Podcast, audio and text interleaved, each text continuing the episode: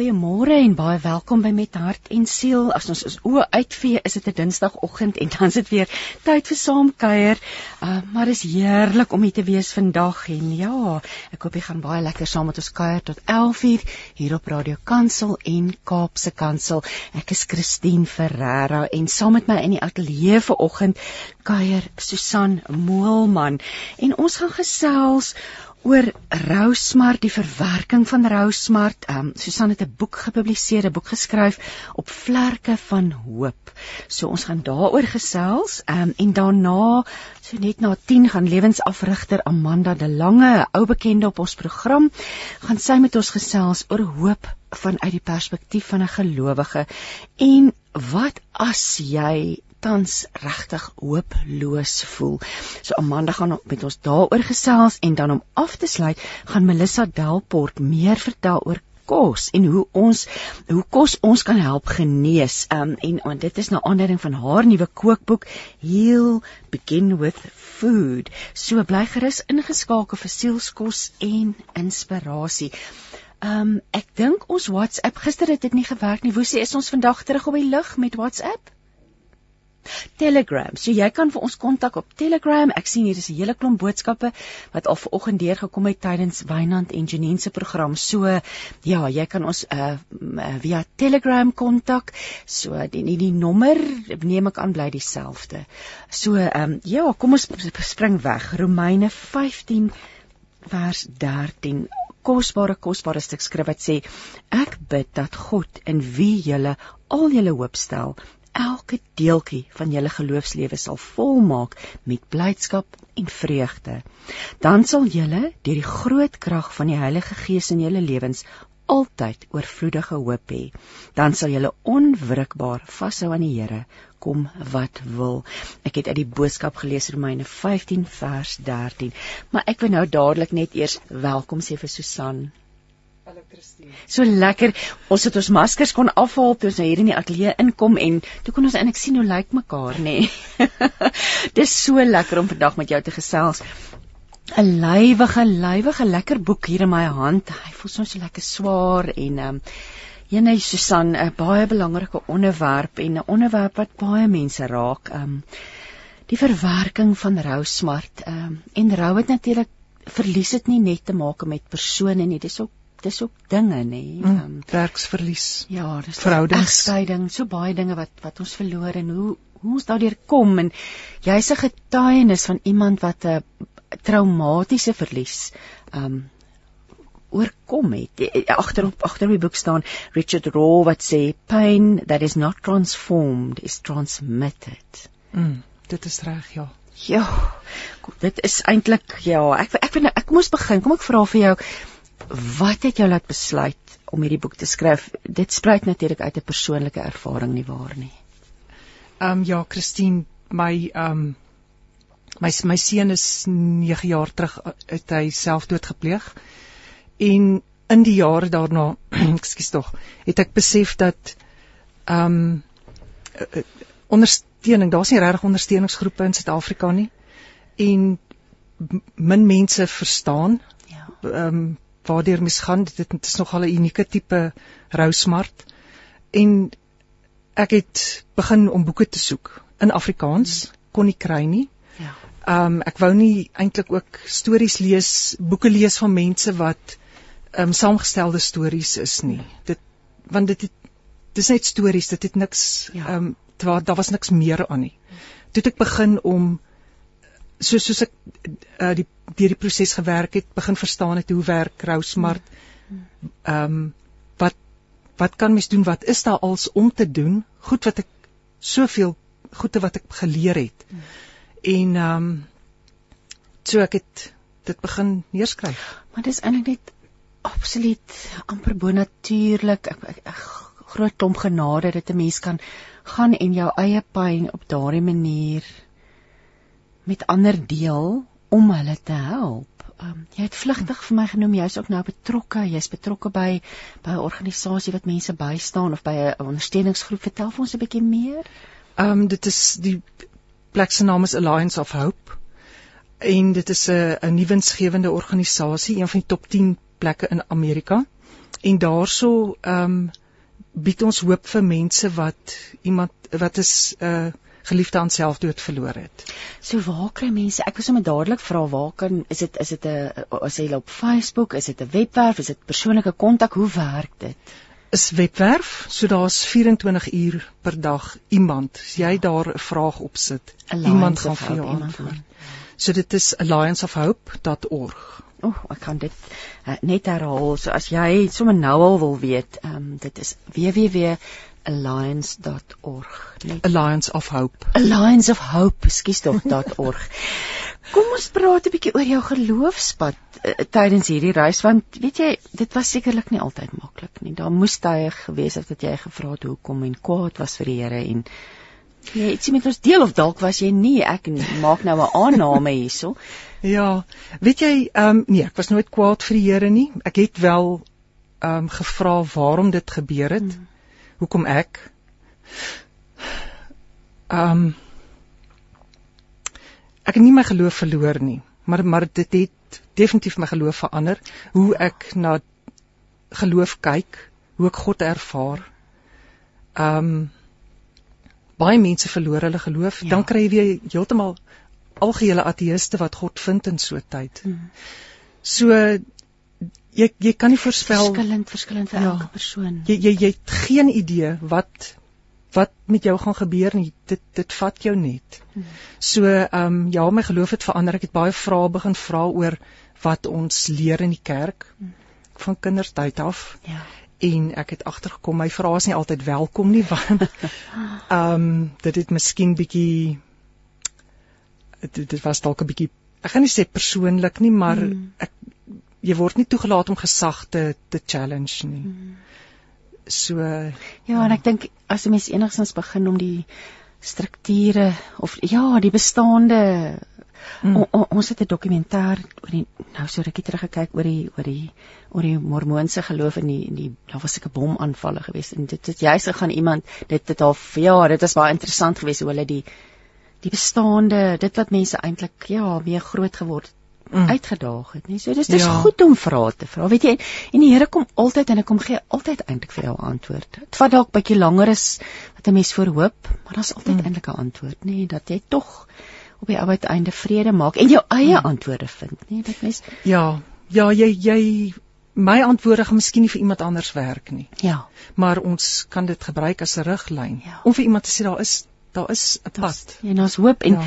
joh, die boek op vlerke van hoop. En dit dit dit sê eintlik net alles nê dat ja daai hoop wat jou oplig en jou dra en soos hierdie skrif ook sê um, en daar's eintlik verskriklik baie skrif in die Bybel um, oor hmm. hoop ek dink ja. die Here het geweet dat ons dit bitter nodig gaan hê om om want as ons nie hoop het nie dan is daar eintlik niks oor nie nê dis daai dit is nogal ja hmm. want wat wat dan dit ons hmm. glo wat ons ons vertrou in dit wat ons nie sien nie Dis sure. eintlik hoop, nê. Nee. Maar kom ons praat 'n bietjie oor oor Rosemar want ek dink dit sal lekker wees en ek ek wil ons luisteraars uitnooi gesels saam. As jy vra het, ehm um, en jy wil vir Susan ja, deelneem aan ons gesprek en dalk vir Susan iets vra, asseblief stuur stuur vir ons 'n Telegram. Ehm um, Susan, ek wil sommer begin en ek wil vra is dit moontlik om Rosemar en 'n traumatiese verlies ten volle te verwerk? Ek glo so bloot omdat ek self beleef het. Um en daaroor speel wat jy glo vir my baie belangrike rol. As as jy dink jy kan 'n ding nie doen nie, gaan jy dit nooit reg kry nie. Maak saak hoe eenvoudig dit is nie. So ja, ek um die die woorde wat my amper op hierdie pad gesit het was toe die um rouberader vir my gesê het 'n uh, ouer kom nooit oor die dood van hul kind nie. Wow, en ek het gedink dit dis dis 'n doodsvonnis. Ek kan nie ek kan nie vir altyd so voel nie. Ja. So ek het begin soek na maniere hoe om hierdeur te werk. My huiswerk mooi gedoen en Ja, nee, die, ja, ek bedoel, ja, ek ja. bedoel jy wat wat sê like got the t-shirt met daai daai gesegde was ja. daar, jy weet waarvan jy praat. Maar hoe interessant en ek glo daai beraader het eintlik met met eintlik dit goed bedoel om dit te sê, mm. maar on... ek, ek kan vandag vir hom dankie sê. Ja, absoluut. Want as hy dit nie as ek dit nie so verstaan het Hy het dit dalk so bedoel nie, maar dis wat ek mm. verstaan het. En as ek dit nie so verstaan het nie, sou ek dalk net mag dink het tyd heel alle wonde wat nie waar is nie. Um, maar ek wil nou dadelik vir jou vra op watter stadium het jy het jy het jy besef eh, berading is nodig. Was dit eers was daar eers het daar eers 'n tydjie verloop was dit het jou hart absoluut uitgeroep vir hulp of hoe hoe dit gewerk het jy die, jy en en en en en en en jou man by die by die berader uitgekom het. Kyk so groot rousmart jy jy's iemand in die middel van die see. So jy weet jy weet niks. Jy's soos 'n baba. En nie so onverwags nie. Ja. En dit was ons het al ander verliese gelei, maar nie naaste by soos hierdie nie. So ehm um, ons het iemand gaan sien. Ehm um, ek dink ek was seker so 3 keer daar besluit sy idees en my idees werk stem nie ooreen nie. So ek het nie weer gegaan nie, maar was so hier naby die tweede tweede jaar herdenking het ek besef dat as ek nie nou goeie en regte hulp kry nie, gaan ek dit nie maak nie.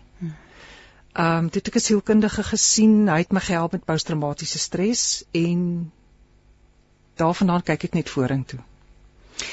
In jou lewe, soos ek vroeër gesê het, is 'n getuienis van iemand wat wat ja, die pyn gevat het en dit nie oorgedra het nie, maar hopelik dit transformeer en ander mense se lewens daardeur verander en en en so kom ons praat. Ons dit, is eintlik ook 'n stelling wat agter op die boek, dit is so lekker toe ek en jy gesels dit vooraf vra wat gaan ek vra? Sê ek maar hier's al die vrae agter op die boek en nie want dit is eintlik waaroor jou boek gaan.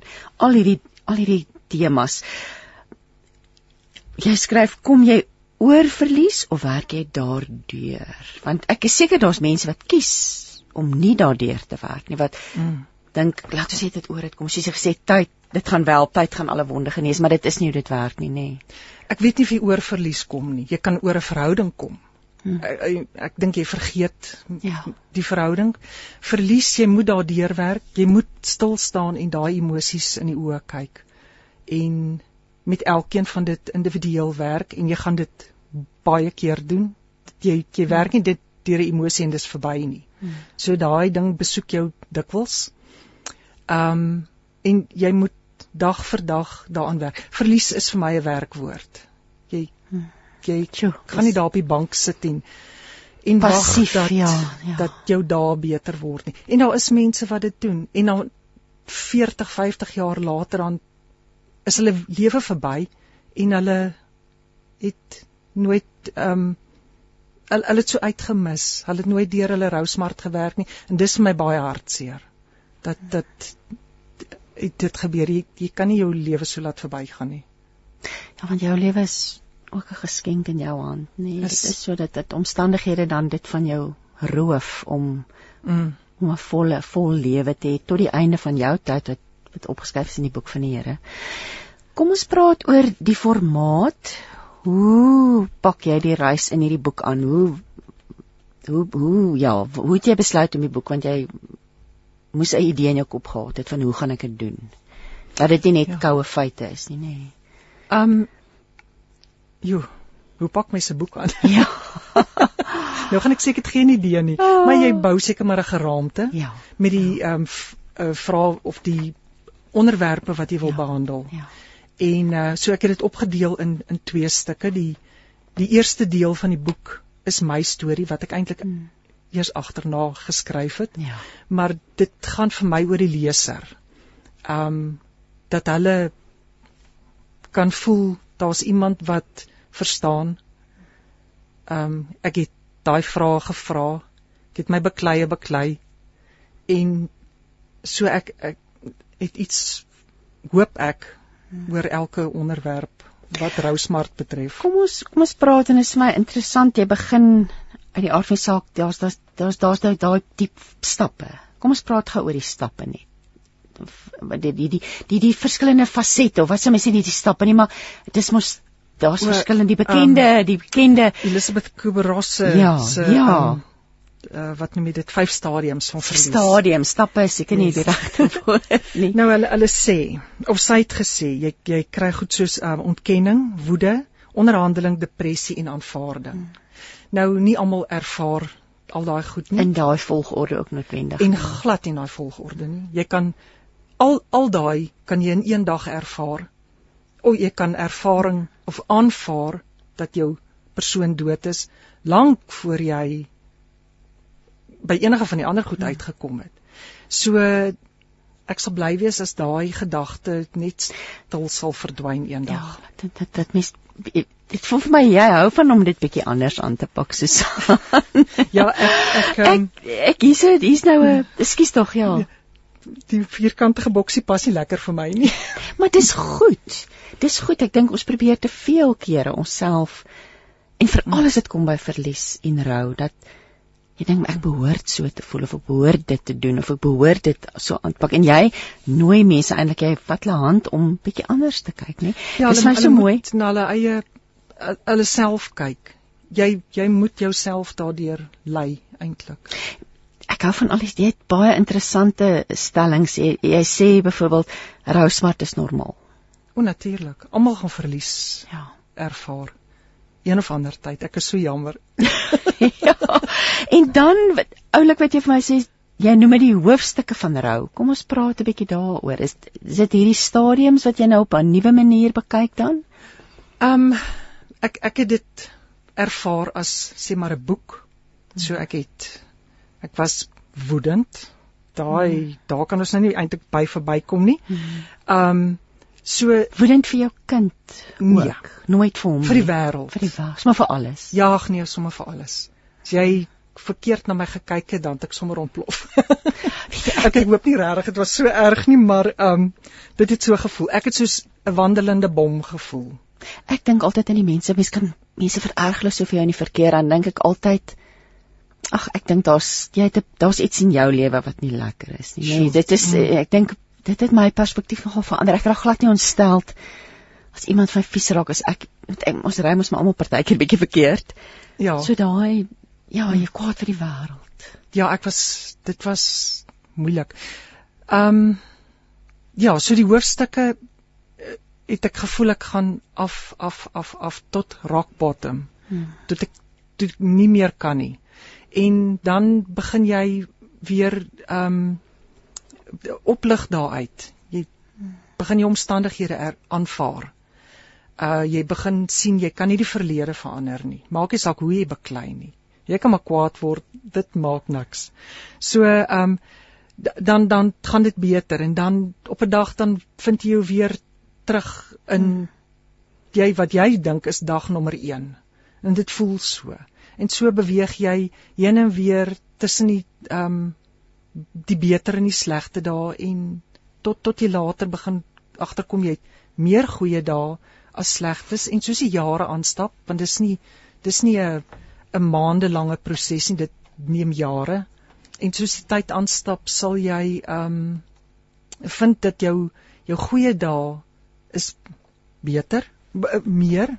Hou die tye is langer in wel dis nou vir ons 9 jaar later en ek kan nou regtig sê die my hartseer daar is ek wil nou nie sê hoe min nie want dan klink dit of ek nooit my kind lief gehad Ja, het nie nee, maar jy sien dis klaar waar 'n mens aan die fout maak natuurlik, nee. Ja. want Jy, ja. En en jy weet, ehm um, iets wat vir my baie belangrik is, jy moet nooit jou rou ehm um, of jou hoe jy reageer judge nie. Jy vergelyk dit ook nie met ander Ja. mense se nie, want hulle het heeltemal 'n ander ervaring. Uh mense in dieselfde gesin gaan almal verskillend optree. So jy um, jy volg net jou eie pad. Jy luister wat in jou hart is en daai stemmetjie is nooit verkeerd nie. Kom ons praat 'n bietjie oor die hantering van pynlike herinneringe want ek dink dit is seker van die moeilikste. Daar kom 'n verjaarsdag verby, daar kom Mm. mm. Kersfees, daar kom tye wat jy dinge spesiale dinge saam gedoen het en hoe hanteer 'n mens hierdie pynlike herinneringe? Ag dan huil jy nou maar so 'n bietjie daaroor. En as jy daarvan as as jy dit nou al ooit probeer het en jy ehm um, hou daarvan om in 'n joernaal te skryf, dan skryf jy dit nou maar uit en jy skree se bietjie op daai bladsy en jy maak 'n paar traandruppels daar en dan staan jy op en dan gaan jy aan. En as jy nou nie daai dag dit kan doen nie, dan's dit fyn. As jy die verjaarsdag oor 'n week wil vier en dis nie op daai spesifieke dag nie, dan doen jy dit so. Daar's nie 'n moet nie. Ja, maar hierdie is 'n omvattende boek want is na die eerste en die tweede deel, die my verhaal, jy die tweede deel jou verhaal.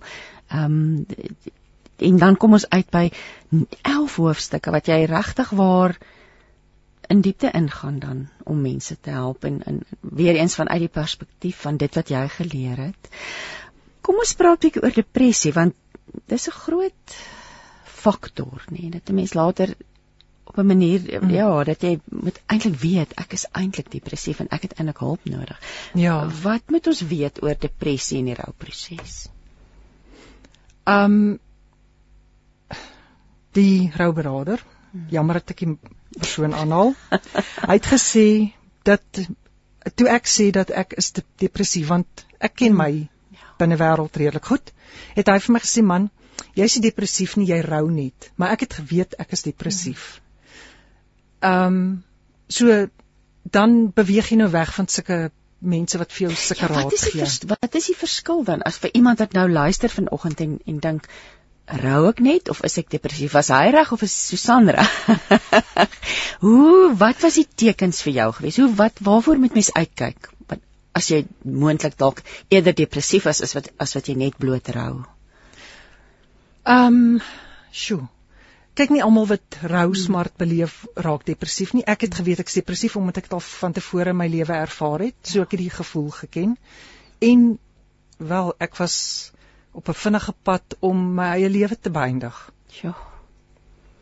So dit was dit was ernstig en jy mm. moes moes hulp kry. So ja. Ek neem aan mens kan sê dan met vertroue dat as jy voel, as jy daai gevoelens begin ervaar, dat jy mm. regtig moet ernstige hulp soek en en ondersoek instel, is dit nie nou al 'n depressie wat my lewe gaan gaan steel nie. Jy is ingeskakel op Radio Kansel 657 AM en 729 Kaapse Kansel. En jy luister dan met hart en siel. Ek gesels met Susan Moelman wat by my in die ateljee kuier. Ons praat oor rou, smart, oor verlies, maar ook hoop, dat daar wel hoop is. Megan Devine het gesê, "When you try to take someone's pain away from them, you don't make it better. You just tell them it's not okay to talk about their pain. Ja. Dit is dis ehm um, in die samelewing, dis die boodskap wat jy kry. Mense wil nie mense kan dit hanteer nie, nê. Hulle wil hulle wil amper nie sien dat jy seer kry nie, nê. Nee. Hulle weet nie wat met jou te maak nie. Jy weet in elk geval nie wat jy met jouself te maak nie.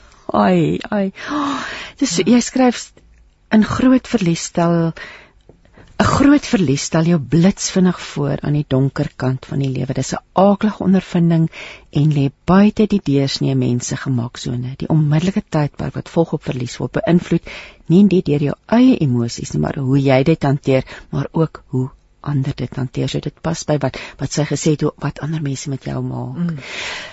Ek wil hê ons moet gesels oor spesifiek gekompliseerde omstandighede. Um moord want dit is algemeen in ons samelewing selfdood. Um ek dink selfs nou in die tyd van COVID baie mense wat iemand verloor het in hierdie tyd. Mm.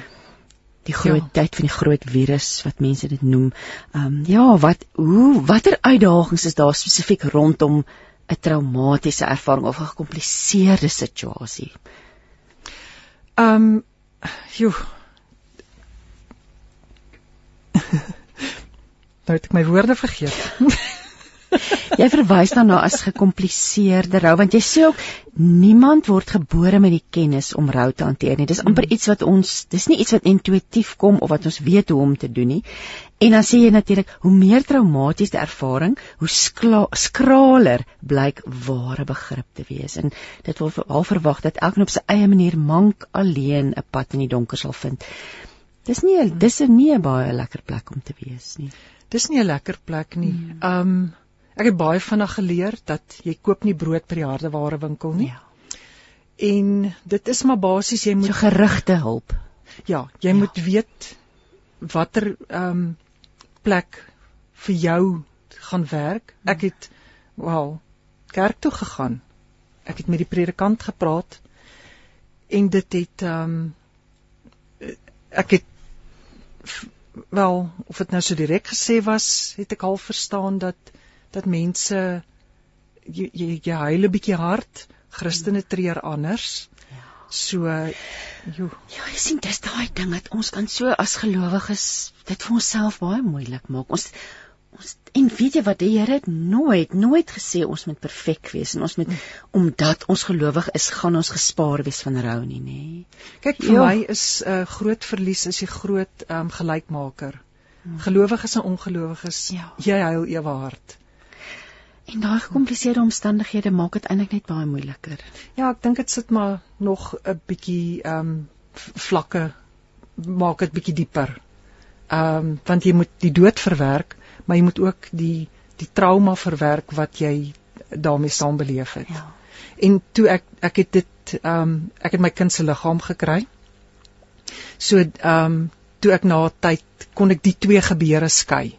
Hm. Ek kon besef my kind is dood en dit is 'n traumatiese ervaring maar ook die feit dat ek hom gekry het ja. dit het 'n ander trauma veroorsaak so ek, ek kon met albei daardie traumas moes ek apart deel en ek kon dit doen en ek dink dit dit het wel in my kop dit het gehelp ja Maar soveel so dat jy die boek geskryf het en dat die, die Alliance of Hope. Ek wil nou vir jou byvoorbeeld eh, dit fascineer my. Jy sê jy toevallig toe ons nou gesels het so in die breek, het jy gesê jy toevallig daarop afgekom en jy was op skets anders geweest en dit het jou huis geword. Dit is my huis daai. Ehm um, toe ek aangesluit het in 2015 was daar minder as 5000 lede en ek dink dit het oor die jare gegroei. Laaste toe ek gekyk het, was dit so amper 19000. Uh daar's altyd iemand aan diens. Dit word goed gemodereer en is reg oor die wêreld. So die ja. tydsones help ook. Daar's altyd iemand wakker. daar's altyd iemand wakker en of iemand wat nie kan slaap nie. Um so en dit word goed gemodereer. Ons kyk dat mense nie mekaar aanval of slegte taal gebruik. Wat is die tipe wat is die tipe vrae of die, wat is die tipe kommunikasie wat kom van van die lede? Wat wat is mense se behoeftes wat uitgespreek word wat jy nou al gesien het op hierdie webwerf? Ek dink nommer 1 behoefte is kan ek dit oorleef? Ja, ja. Ehm um, daai word jy antwoord amper elke dag so 'n vraag. Mense wat wat aansluit en hulle het absoluut geen hoop nie want jy voel so sleg jy kan nie tot in die volgende 5 minute sien nie. Jy jy kan nie dink dat jy gaan oor 'n jaar nog leef nie. En 5 jaar klink soos iets uit 'n ander wêreld. En om te dink jy gaan 20 jaar oorleef, ehm um, mense skrik vir dit. So ehm um, ons leer ook mense jy jy leef net nou. Moenie bekommer oor môre nie. Jy kom net vandag deur. Werk met wat ook al voor jou deur staan net vir vandag. Huil, jy moet huil as jy iets snaaks vind op die televisie, as jy mooi program sien, geniet dit. Moenie skuldig voel omdat jy iets geniet terwyl jy eintlik dink jy moet jy moes was eintlik veronderstel om te huil daaroor nie. So jy en dan weer terug. Nou moenie jou jou emosies ehm um, veroordeel nie. Aanvaar elke ding net soos dit kom. Jy gaan môre weer huil, ek beloof. Dit is nou vir my interessant want jy was eers net 'n besoeker aan die webwerf wat toe 'n uh, 'n 'n 'n vrywilliger geword het. Um ek neem ja. aan dis die proses dat mens later dan dit verlee op jou hart om ander dan te help neem ek aan. Dit dit doen nogal. Um ons is familie daarso. Toe toe ek daar die eerste bladsy wat ek daar oopgemaak het toe nou op dit afkom. Ja. Soos ek het so 'n verligting gevoel. Hier's mense wat dieselfde goed deurgaan as ek. Hmm. En wat verstaan. Niemand judge die ander en sê yes like ja jy weet dis nou tyd. Jy moet nou 'n bietjie regkom hierson die mense ehm um, ekskuus nou dat ek Engelse woorde gebruik nee doodreg. Ek daai is nou obviously in Engels maar ja. ehm ja. um, daar's so baie comfort daarso en ondersteuning. D dit is um, kom ons ek wil vir jou vra oor skuldgevoelens ek neem aan as as as mense ouer is en jou kind het self doodgepleeg, is daar eintlik 'n 'n waarvraag vol skuldgevoelens wat jy jouself bevraagteken. Ek dink dit is dalk 'n natuurlike ding om ehm um, skuldgevoelens op jouself te neem. Jy wonder waar het jy verkeerd gegaan? Jy jy dink natuurlik dit is jy ja. wat jou ehm um, ouerskap leiding was nou rarig so sleg dat jy het hierdie kind tot dood gedryf. Um of was dit daai pak slaaf wat jy gegee het toe hy 5 jaar oud was, het dit daar begin? Ehm, um, joe, hoekom het ek dit nie raak gesien nie? Saam my kind gewoon in die huis, ek het dit nie raak gesien nie. Ek Wel, dis eintlik vrae wat ja. ek nou nog steeds kan antwoord nie want ja.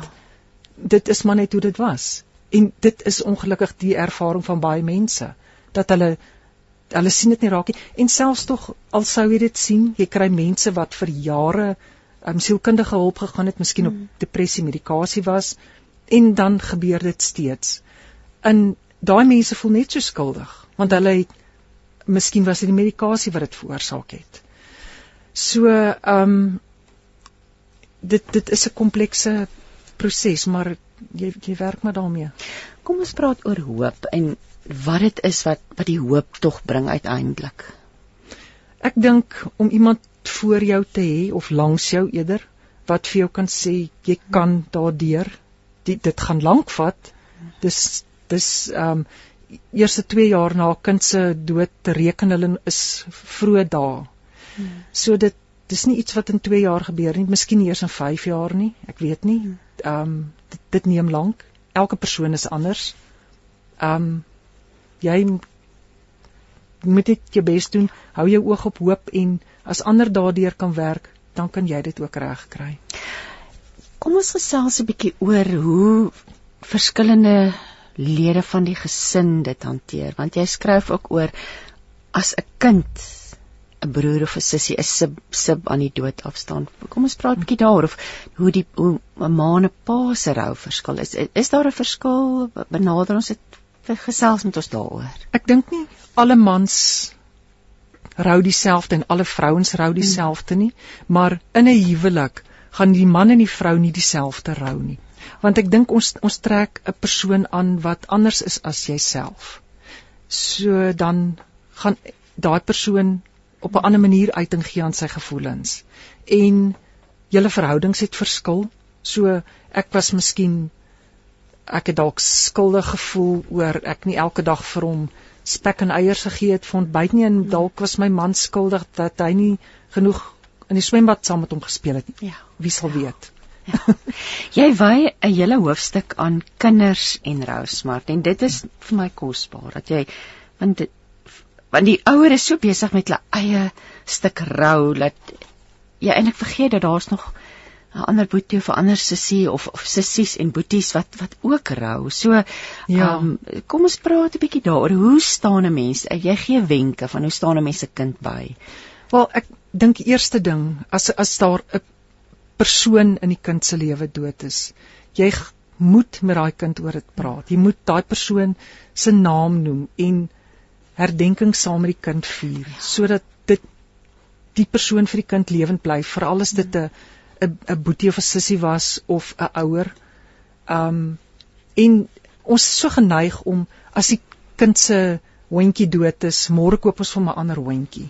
Nou dit is nie hoe mens rou smart hanteer nie. Die kind moet eers hartseer wees. Hy moet deur daai gevoelens kan werk, selfs met mense. Hy moet daai gevoelens kan verwoord en um, as as jy hom nie kan help nie om hom by iemand te kry wat ja met kinders werk wat hom daarmee sal kan help. Dis baie interessant ook want jy beskryf ook die verskillende ouderdomme en fases en ehm um, uh van ja, hoe 'n tiener dit heeltemal anders ehm um, natuurlik beleef as as 'n as 'n kleuter, maar ja, dis vir my mooi jy sê respekteer die kind se ons emosies ongeag sy ouderdom. Jy gee 'n lang lys van wenke. Ehm um, Jy sê ook gee die kind die keuse of hy die begrafnis wil bywoon of nie. Ja. Ek dis dis want sjoe, mens dis eintlik iets baie baie grootmoedig om te doen. Ehm um, ek dink dit sal van die kind se persoonlikheid afhang hmm. of hy kan sien om dit by te woon of nie en jy moet hom nie veroordeel vir sy besluit nie. Eh, as uh, toe ek 'n kind was, jy het nie begrafnis toe gegaan nie. Ek dink die eerste keer toe ek in by begrafnis kom was ek al woe, genade amper uit die skool gewees. Mis miskien ja, die dood is eintlik ja, dit dit word eenkant toe geskuif. Dit word eenkant gehou. Dit is nie ja, gehou, dis die woord. Ons en as jy net daarin blootgestel is nie dan Ja. Aktiwiteite, jy jy gee sommer 'n lys van aktiwiteite, soos byvoorbeeld om 'n fotoalbum tog dit bymekaar mm. te maak en, en amper dit voel van amper het, ja, dan ja. dit in die oë te kyk dat dit ja. gebeur het en dat die persoon nie meer met ons is nie. Dit is kyk, dood is nie ehm um, jou liefde gaan nie dood nie. Dit dit dit bly aan. En wel 'n persoon is dood maar daai daai gevoelens is nie weg nie. Ja, ja. So jy werk daarmee. Jy sit maak vir jou fotoalbum, maak vir jou CD met al jou foto's. Jene want ons het daarin baie foto's. Ja. So ehm um, en ek neem aan as jy begin seker bietjie te seer om na daai foto's te kyk. Ja. Ek verskil van mens na mens, né? Party kan daai foto's vir dae na dit sit en staar en ander kan vir jare nie daarna kyk nie. Um, Ja, so, wees genadig met jouself. Dis voel ja, vir my sy. dit ek hoor dit die hele tyd. Ja, moenie dit veroordeel nie. Hmm. Dit is net soos dit is. Ag, daai selfliefde, die aanvaarding dat 'n mens jouself dit moet gun. Voel vir my dis 'n groot deel van jou boodskap. Ek dink dit was die eerste keer in my lewe wat ek geleer het hoe om myself lief te te hê is om ehm um, comfort vir myself te gee. Ek ja, ja, jouself te druk nie. Ehm um, jouself te koester. Ja. En en eerste, jouself eerste te stel dat jy moenie heeltyd na ander mense se behoeftes omsien terwyl jy nie eers na jouself kan omsien nie. So in hierdie tyd, kyk eers na jouself. As jy dink kan doen dan doen jy dit. Nie kan doen nie. Môre is dit nog steeds daar. Sien nie vandag die skottelgoed kan was nie. Blah dit gaan volgende week nog steeds daar staan. Ja. So, ehm um, doen net wat jy kan. Iemand het eendag gesê jy weet jy weet nie hoe om 'n koppie tee partykeer te maak nie. Asof jou wat funksionering as mens vir oomblikke net tot tot stilstand kom. Jy weet nie eers hoe om 'n koppie tee te maak nie. Jy het heeltemal 'n jelly brein. Jy weet ja. nie wat kom eers, die shampoo of die conditioner nie. Ja. Het, wat moet ek aantrek vandag? Die blou hemp of die rooi hemp? Sien jy iemand gaan dood as ek verkeerde klere hemp aantrek? Sjoe. Ja. Irrasionele ja. gedagtes. So mens ja. moet voorbereid wees daar mm. of nie of jy moet dit jy moet weet dit gaan gebeur. Dit gebeur. Ons het nou gepraat en oor hoe hanteer ander mense in hierdie omstandighede? Baie belangrik en en jy gee 'n ja. lys van wenke maar ek weet nie van daardie wenke vanoggend net deel praktiese voorbeeld van hoe kan jy iemand bystaan wat in die te midde van 'n rouproses is. Jy gee nie raad nie. Jy vertel nie vir daai persoon hoe hy moet reageer nie. Wat hy moet dink nie. Daar's nie moed in rou nie. Um jy laat hoor van jou. So nou en dan moenie wegbly die persoon se lewe nie. Want baie mense verdwyn. Hulle ja. jy dit beleef. Ja, ek het die grootste deel van my vriende het vir my gesê ek bid vir jou en dit het vir my begin beteken tata ek sien jou nooit weer nie want ek het hulle nooit weer gesien nie so ek die, dit is eintlik iets wat ons as gelowiges teen moet waak om te sê net dis eintlik 'n cop out as mens daai Engelse woord kan ja. gebruik nê van soos iemand vir my sê ek bid vir jou dan dan moet jy bid en jy moet bly en jy moet doen. in kontak. Bid en ja. doen. Maar dis wat die woord van ons sê. Dit maak my nogal kwaad mense ja. dit gebruik as 'n afskeidsgroet. Ja, want dit is nog vir my ook hartseer dat jy dit want jy praat nou uit ervaring. Dis jy ja, ons ek dink ons dit daar's lê iets baie baie kragtig daarin dat ons kan net so maklik vir iemand sê ek bid vir jou. En dis die waarheid, dit is al jy bid dalk maar dan maar doen jy niks kyk, verder nie. Bid is ook iets wat jy met jou hande doen. Gaan sny die persoon se gras. Gaan vat sy kinders skool toe. Oeg, gaan sit net daar vir 'n Gaan sit daar. Ek het um, eendag ons naaste winkelsentrum is seker so 2 km van ons huis af, reg af in die straat. En ek het verdwaal op pad soontoe. ek het 30 km later het ek weer by my bewussyn gekom of besef waar ek is.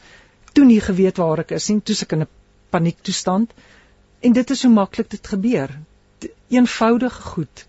En jy kan dit skielik nie doen nie. Jy jy's so hulpeloos amper. So 'n praktiese ding is is sê vir jou vriendin kom ek gaan saam met jou kom ons gaan koop kruideniers baie Want, maklik ja. ja ek loop net saam met jou ja. want dit is selfs kruideniers dit is 'n verskriklike taak hmm. jy ja jy jy sien daai persoon in elke rak kos wat hulle geëet het. Um enige iets. Ooh, ooh, jy loop 'n persoon raak en jy wonder of dit jou mens is. En dan draai daai persoon op. Nee, hierdie een te snor. Ja. dan ontdek jy nou nee, dit is nie jou persoon nie. Maar ehm um, ja, klein eenvoudige goed waarin die gewone persoon op 'n daaglikse basis nooit dink nie, kan 'n berg wees. Jy sê ons moenie bang wees om met die persoon wat iemand verloor het oor die oorledene te praat nie. Asseblief. Ja. Ja. Want as jy heeltyd um wegskram en of jy o, oh, jene mense kan so ongemaklik lyk. Jy jy jy voel dit amper met 'n stok aan. Um dan beteken dit ook kan nie oor my persoon praat nie. Niemand wil daarvan weet nie. Hy's dood, so hy's nou weg. Ja. Ja. Hy's hy buite sig. Ons moet nou vergeet van dit. En ek dink dis miskien hoe die vorige geslagte dit dalk gehanteer het. Ja, dis interessant. Jy sê ook dis ook nie nou die tyd of die plek om jou gruwe rondom die oorlewende te lig nie. So, het jy dit beleef dat mense of is dit iets wat mense doen as hulle omdat weet, ag maar ja, verduidelik hierdie ene vir my. Miskien is dit iets wat jy dalk sal raakloop as jy 'n eggenoot verloor. Ja. Ehm um, dit het nogal bietjie ander uitdagings het ek agtergekom. Ehm um, mense wat 'n 'n 'n maat verloor het, word maklik geblameer vir die persoon se dood. Ja. Um, miskien is men is die samelewing bietjie meer genadig wanneer jou kind dood is. Hanteer jou bietjie sagter. Ja. Ek hoop. Maar jy dis vir my so 'n lekker praktiese bied hulp aan om rekeninge te betaal. Mm. En daai daai administrasie is seker iets ek bedoel dis oorweldigend in so 'n Ja. periode. en en die testament wat moet afgehandel word, jy moet pakke en pakke bladsye go- goed onderteken. Jy kan nie eens reguit dink nie. Kan nie eers onthou wat jy vanoggend geëet het nie. So nou moet jy belangrike dokumente moet jy deurwerk. En dis moeilik. En wat belastingvorms. Wow. Veral en ek bedoel dis in die meeste gevalle 'n egpaar wat die en albei beleef dieselfde emosie. So bied jou hulp aan. Mm. Bied jou hulp aan en jy sê help die persoon om net by die dokter of by 'n haarkapper uit te kom. Um, Ja. Selfs dit kan moeilik wees. Een ek wil eintlik sê enige iets is moeilik as jy in rou smart is. Jy sê ook byvoorbeeld ehm um, praat minder en luister meer. Jy het weer eens oor die raad dat ons moet nie dink ons het die antwoorde vir daai persoon wat deur die verlies gaan nie, nê. Nee. ehm um, my my petheid is iemand wat nog nooit so verlies gehad het nie en dan kom hulle met raad en dan vertel hulle vir jou jy moet is nou 3 maande jy jy beter nou begin ry jou regruk. So ehm um, nee b- kies die mense na wie jy luister met sorg en daai's wat nou sulke twak praat. Ja. Help hulle uit jou lewe uit. Regtig. Daar's 'n paar stellings wat jy sê asseblief dink voor jy praat. Daar's sekere dinge wat jy liefs nie vir 'n bedroefde persoon moet sê nie. Um soos byvoorbeeld, hier's 'n paar goeters. Hou op huil. Jy maak dit net erger. O jene. Jy Ja. moet eintlik huil want trane is ehm um, sal vir jou siel, vir jou seer hart. Nou 'n belangrike ene vir ons as gelowiges, um ja, glo en bid alles sal regkom. Alles sal mm. -hmm. maar daar's ja, wat jou belewenis rondom dit en, en raad vir mense wat dalk luister en voel dis wat mense my sê ek moet doen, maar ek kry dit nie reg nie. Kyk as jy nou daar op jou rusbank gaan sit met miskien met 'n koppie koffie in die hand en nou wag jy dat die Here jou jou seer gaan genees. Ja. Gaan jy lank sit. Want ehm um, die Here doen nie jou werk vir jou hier op aarde nie en ek glo jou werk hier is om te leer en te groei. Ja. en jy kan nie dit doen as jy niks doen nie. Dis waarom ek sê rousmart is werk. Dis 'n werkwoord. Dis vir my mooi. Jy sê ook daar is sekere goed wat die bedroefde persoon sal verwelkom om te hoor. Soos ek is hier as jy my nodig kry. Dit voel amper vir die wat bo aan die lys staan nê. Ja, en ek dink jy moet so 'n persoon ja. gereeld herinner ook Ja.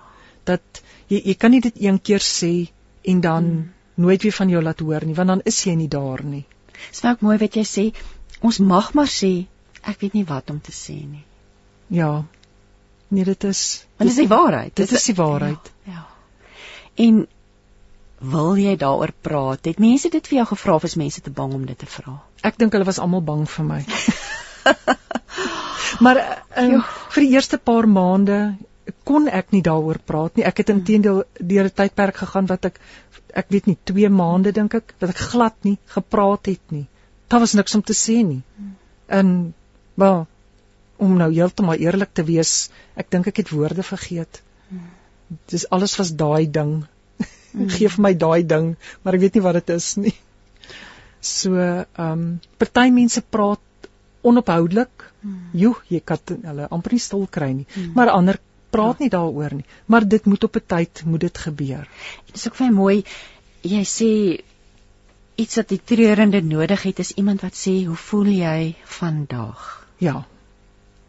Weereens ons is bang om gekonfronteer te word met ander mense se emosies. Ek is eintlik bly jy herinner my aan daai een, ja. want mens sal maklik sê, "Hoe gaan dit met jou?" Nou, ek meen as iemand vir my dit gevra het, ja. is dit nie obvious dit gaan baie sleg nie, ja. nê? Nee? Maar Goeiemôre en baie welkom by Met Hart en Siel. As ons ons oë uitvee, is dit 'n Dinsdagoggend en dan is dit weer tyd vir saamkuier. Uh, maar is heerlik om hier te wees vandag en ja, ek hoop jy gaan baie lekker saam met ons kuier tot 11:00 hier op Radio Kansel en Kaapse Kansel. Ek is Christine Ferreira en saam met my in die ateljee vanoggend kuier Susan Moelman en ons gaan gesels oor rousmart, die verwerking van rousmart. Ehm um, Susan het 'n boek gepubliseer, 'n boek geskryf op vlerke van hoop. So ons gaan daaroor gesels. Ehm um, en daarna, so net na 10 gaan lewensafrigter Amanda De Lange, 'n ou bekende op ons program, gaan sy met ons gesels oor hoop vanuit die perspektief van 'n gelowige. En wat as jy tans regtig hooploos voel. So Amanda gaan met ons daaroor gesels en dan om af te sluit gaan Melissa Delport meer vertel oor kos en hoe ons hoe kos ons kan help genees. Um en, en dit is nou aanleiding van haar nuwe kookboek Heal Begin with Food. So bly gerus ingeskakel vir sielskos en inspirasie. Um ek dink ons WhatsApp gister het dit nie gewerk nie. Hoe sê is ons vandag terug op die lug met WhatsApp? Telegram. So jy kan vir ons kontak op Telegram. Ek sien hier is 'n hele klomp boodskappe wat al vanoggend deurgekom het tydens Wynand en Janine se program. So ja, jy kan ons uh, via Telegram kontak. So die die, die nommer neem ek aan bly dieselfde. So ehm um, ja, kom ons spring weg. Romeine 15 vers 13 kosbare kosbare stuk skrif wat sê ek bid dat God in wie julle al julle hoop stel elke deeltjie van julle geloofslewe sal volmaak met blydskap en vreugde. Dan sal julle deur die groot krag van die Heilige Gees in julle lewens altyd oorvloedige hoop hê. Dan sal julle onwrikbaar vashou aan die Here kom wat wil. Ek het uit die boodskap gelees Romeine 15 vers 13, maar ek wil nou dadelik net eers welkom sê vir Susan. Hallo Christine. So lekker. Ons het ons maskers kon afhaal toe ons nou hier in die ateljee inkom en toe kon ons eintlik sien hoe lyk mekaar, nê. Nee. Dis so lekker om vandag met jou te gesels. 'n Lywige, lywige lekker boek hier in my hand. Hy voel so lekker swaar en ehm um, Jene Susan, 'n baie belangrike onderwerp en 'n onderwerp wat baie mense raak. Ehm um, die verwerking van rou smart. Ehm um, en rou het natuurlik verlies dit nie net te maak met persone nie, dis ook dis ook dinge nê mm, um, werksverlies ja dis verhoudingsskeiding so baie dinge wat wat ons verloor en hoe hoe ons daardeur kom. En jy's 'n getuienis van iemand wat 'n traumatiese verlies um oorkom het. Agter op agter op die boek staan Richard Raw wat sê pain that is not transformed is transmitted. Mm, dit is reg ja. Ja dit is eintlik ja ek ek ek, ek kom ons begin. Kom ek vra vir jou wat het jou laat besluit om hierdie boek te skryf? Dit spruit natuurlik uit 'n persoonlike ervaring nie waar nie. Ehm um, ja, Christine, my ehm um, my my seun is 9 jaar terug uit hy selfdood gepleeg. En in die jare daarna, ekskuus tog, het ek besef dat ehm um, ondersteuning, daar's nie regtig ondersteuningsgroepe in Suid-Afrika nie. En min mense verstaan. Ja. Ehm um, waardeur mens gaan dit, dit is nogal 'n unieke tipe rousmart. En ek het begin om boeke te soek in Afrikaans kon nie kry nie. Ja. Ehm um, ek wou nie eintlik ook stories lees boeke lees van mense wat ehm um, saamgestelde stories is nie. Dit want dit het, dis net stories dit het niks ehm ja. um, daar daar was niks meer aan nie. Toe ek begin om so soos ek uh, die deur die proses gewerk het, begin verstaan het hoe werk Rousmart. Ehm um, wat wat kan mens doen? Wat is daar als om te doen? Goed wat ek soveel goede wat ek geleer het. En ehm um, so ek het dit begin neerskryf. Maar dis eintlik net absoluut amper bonatuurlik. Ek, ek, ek groot klomp genade dat 'n mens kan gaan en jou eie pyn op daardie manier met ander deel om hulle te help. Um, jy het vlugtig vir my genoem jy's ook nou betrokke, jy's betrokke by by 'n organisasie wat mense bystaan of by 'n ondersteuningsgroep. Vertel vir ons 'n bietjie meer. Ehm um, dit is die plek se naam is Alliance of Hope. En dit is 'n 'n nuwensgewende organisasie, een van die top 10 plekke in Amerika. En daarso ehm um, bied ons hoop vir mense wat iemand wat is 'n uh, geliefde aan selfdood verloor het. So waar kry mense? Ek wil sommer dadelik vra waar kan is dit is dit 'n as jy op Facebook, is dit 'n webwerf, is dit persoonlike kontak, hoe werk dit? Is webwerf, so daar's 24 uur per dag iemand. As jy daar 'n vraag opsit, iemand gaan vir jou antwoord. So dit is allianceofhope.org. O, oh, ek kan dit uh, net herhaal. So as jy sommer nou al wil weet, ehm um, dit is www alliance.org nee. Alliance of hope. Alliance of hope ekskuus tog .org. Kom ons praat 'n bietjie oor jou geloofspad uh, tydens hierdie reis want weet jy dit was sekerlik nie altyd maklik nie. Daar moes tye gewees het dat jy gevra het hoekom en kwaad was vir die Here en jy ietsie met ons deel of dalk was jy nie ek maak nou 'n aanname hierso. Ja weet jy ehm um, nee ek was nooit kwaad vir die Here nie. Ek het wel ehm um, gevra waarom dit gebeur het. Hmm hoekom ek ehm um, ek het nie my geloof verloor nie, maar maar dit het definitief my geloof verander hoe ek na geloof kyk, hoe ek God ervaar. Ehm um, baie mense verloor hulle geloof, ja. dan kry jy weer heeltemal algehele ateëste wat God vind in so 'n tyd. Hmm.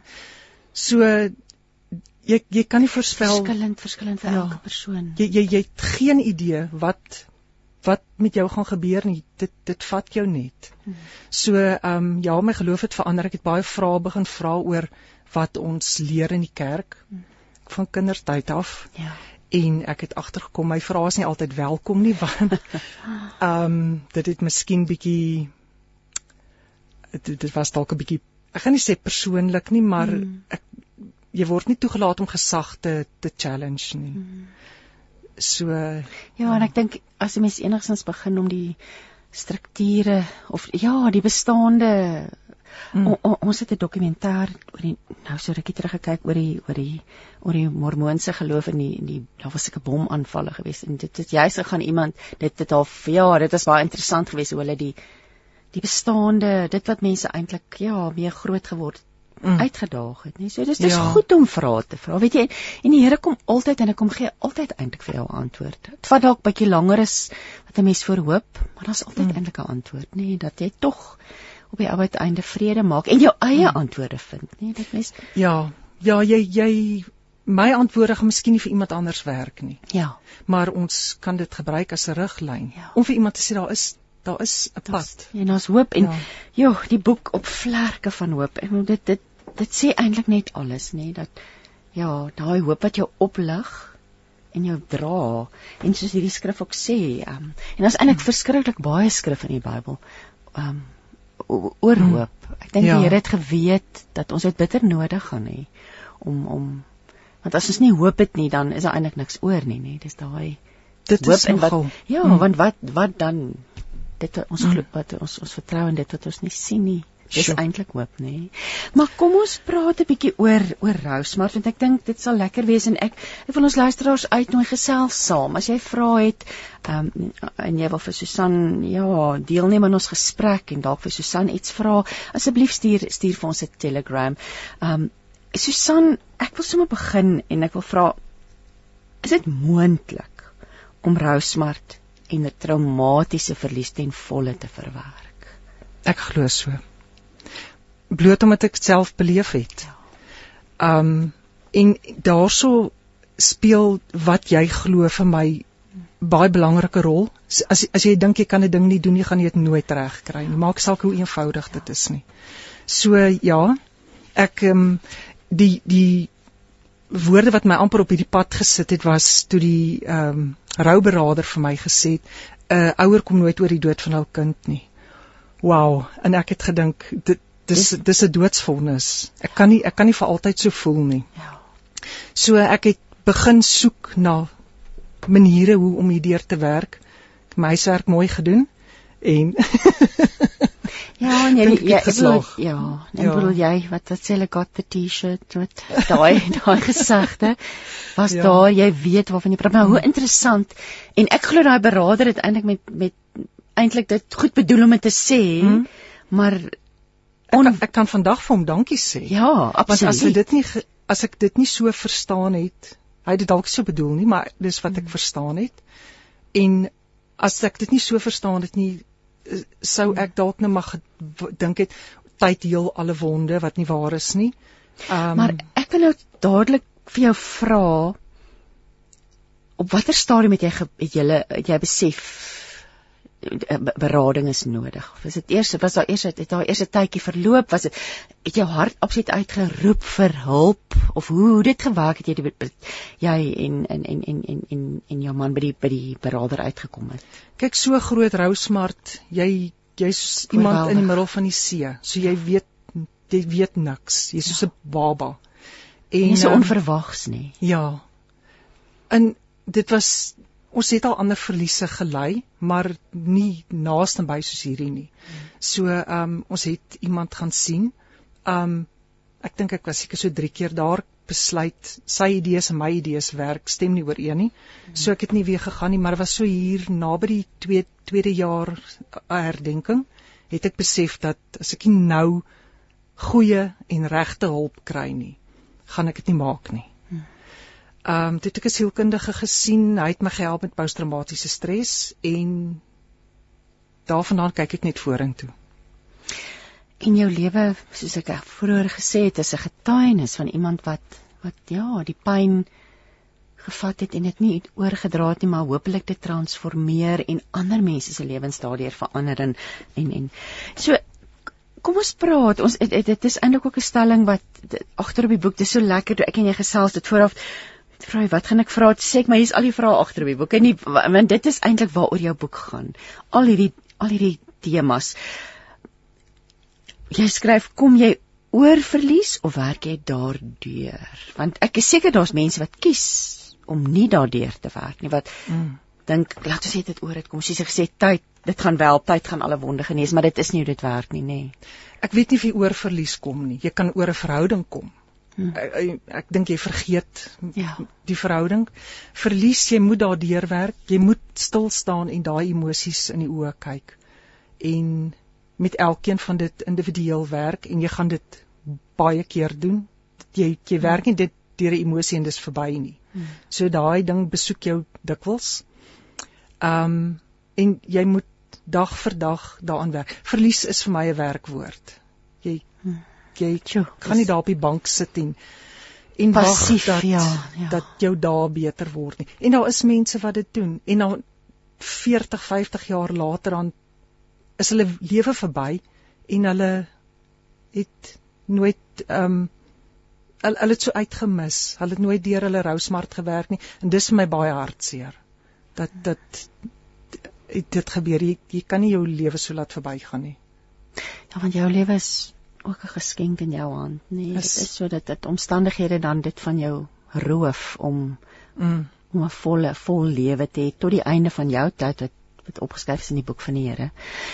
Kom ons praat oor die formaat. Hoe pak jy die reis in hierdie boek aan? Hoe hoe hoe ja, hoe het jy besluit om die boek want jy moes 'n idee in jou kop gehad het van hoe gaan ek dit doen? Dat dit nie net Ja. koue feite is nie, nê. Nee. Um jo. hoe pak mens 'n boek aan? Ja. nou gaan ek sê ek het geen idee nie, Oh. maar jy bou seker maar 'n geraamte Ja. met die ehm um, uh, vrae of die onderwerpe wat jy wil Ja. behandel. Ja. En uh, so ek het dit opgedeel in in twee stukke. Die die eerste deel van die boek is my storie wat ek eintlik Mm. eers agterna geskryf het, Ja. maar dit gaan vir my oor die leser. Um dat hulle kan voel daar's iemand wat verstaan. Um ek het daai vrae gevra. Ek het my bekleie beklei en so ek ek het iets hoop ek oor elke onderwerp wat Rousmart betref. Kom ons kom ons praat en dit is my interessant jy begin uit die aard van die saak daar's daar's daar's daai daai diep stappe. Kom ons praat gou oor die stappe net.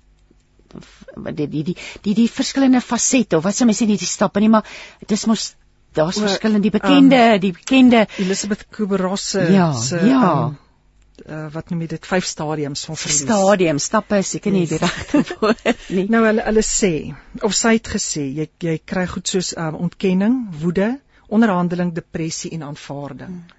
Nou nie almal ervaar al daai goed nie in daai volgorde ook noodwendig. en glad nie in daai volgorde nie. Jy kan al al daai kan jy in een dag ervaar. O, jy kan ervaring of aanvaar dat jou persoon dood is lank voor jy by enige van die ander goed uitgekom het. So ek sal bly wees as daai gedagte net stil sal verdwyn ja, eendag. dit dit dit mens dit voel vir my jy hou van om dit bietjie anders aan te pak Susan.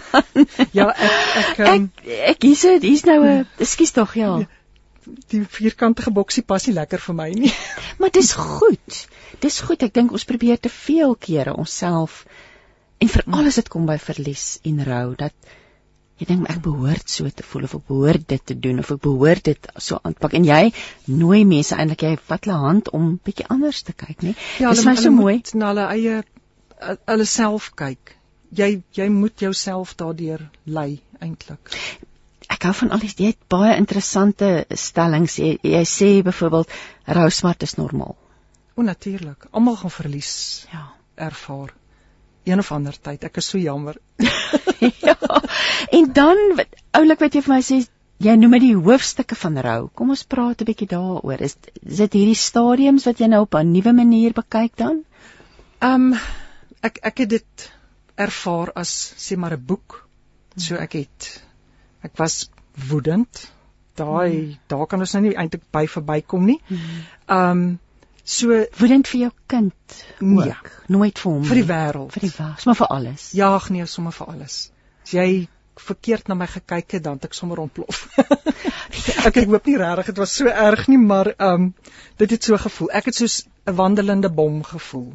Ek dink altyd aan die mense, mense kan mense vererg hulle soveel in die verkeer dan dink ek altyd ag ek dink daar's jy het daar's iets in jou lewe wat nie lekker is nie. Nee, Sjoe. dit is Mm. ek dink dit het my perspektief nogal verander. Ek raak glad nie ontsteld as iemand van vies raak as ek, ek ons ry mos maar almal partykeer bietjie verkeerd.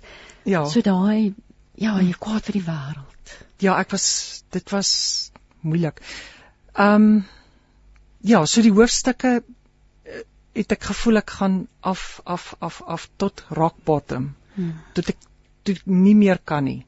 En dan begin jy weer ehm um, oplig daaruit. Jy begin jou omstandighede er, aanvaar. Uh jy begin sien jy kan nie die verlede verander nie. Maak nie saak hoe jy beklei nie. Jy kan maar kwaad word, dit maak niks. So ehm um, dan dan gaan dit beter en dan op 'n dag dan vind jy jou weer terug in jy wat jy dink is dag nommer 1. En dit voel so.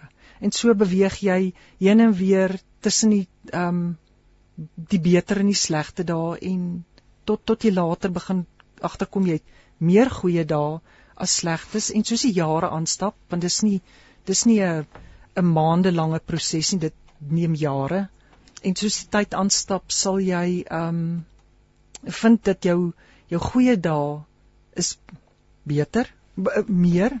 Hou die tye is langer in wel dis nou vir ons 9 jaar later en ek kan nou regtig sê die my hartseer dae is ek wil nou nie sê hoe min nie, maar dan klink dit of ek nooit my kind lief gehad Ja, het nie. nee, maar jy sien dis klaar waar 'n mens aan die fout maak natuurlik, nee. Ja. want jy- Ja. En en jy weet, ehm um, iets wat vir my baie belangrik is, jy moet nooit jou rou ehm um, of jou hoe jy reageer judge nie.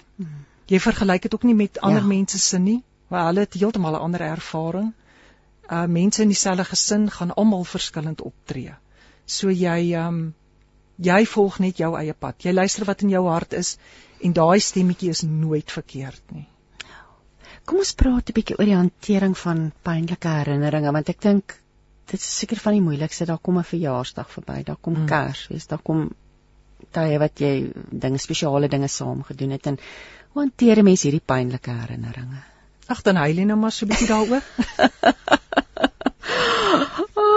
En as jy daarvan as as jy dit nou al ooit probeer het en jy ehm um, hou daarvan om in 'n joernaal te skryf, dan skryf jy dit net maar uit en jy skree se bietjie op daai bladsy en jy maak 'n paar traandruppels daar en dan staan jy op en dan gaan jy aan. En as jy nou nie daai dag dit kan doen nie, dan's dit fyn. As jy die verjaarsdag oor 'n week wil vier en dis nie op daai spesifieke dag nie, dan doen jy dit so. Daar's nie 'n moet nie.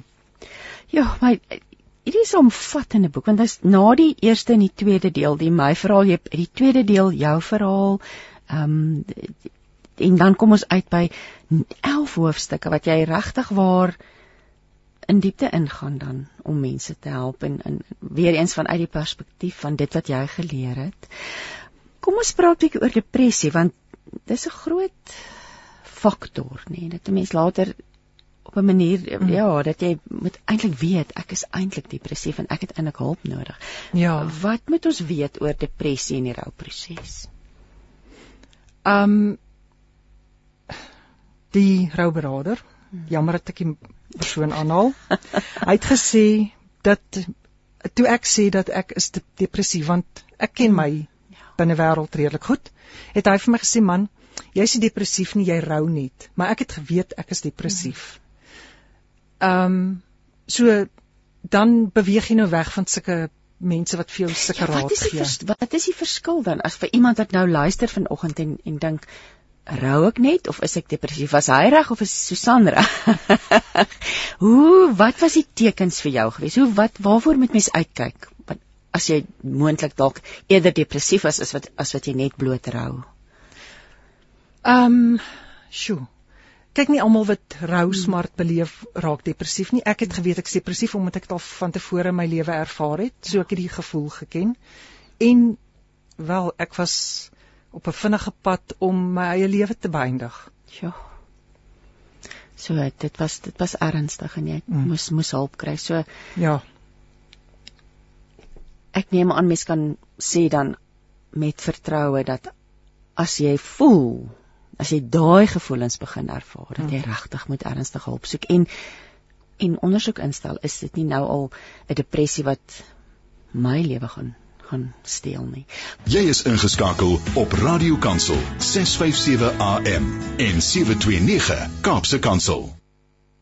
En jy luister dan met hart en siel. Ek gesels met Susan Moelman wat by my in die ateljee kuier. Ons praat oor rou, smart, oor verlies, maar ook hoop, dat daar wel hoop is.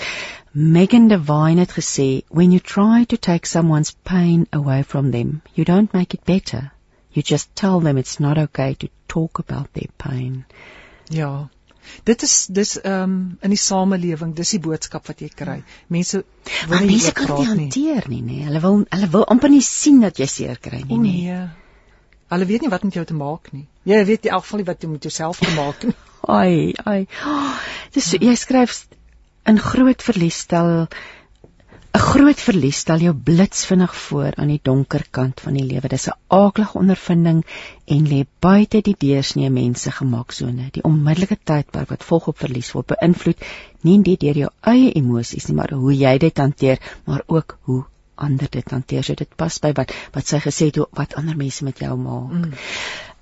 Ek wil hê ons moet gesels oor spesifiek gekompliseerde omstandighede, um moord. Want dit is algemeen in ons samelewing, selfdood. Um ek dink selfs nou in die tyd van COVID baie mense wat iemand verloor het in hierdie tyd. Mm.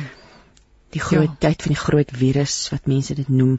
Ehm um, ja, wat hoe watter uitdagings is daar spesifiek rondom 'n traumatiese ervaring of 'n gekompliseerde situasie? Ehm um, joh. nou het ek my woorde vergeet. jy verwys dan na as gekompliseerde rou want jy sê ook niemand word gebore met die kennis om rou te hanteer nie. Dis amper iets wat ons dis nie iets wat intuïtief kom of wat ons weet hoe om te doen nie.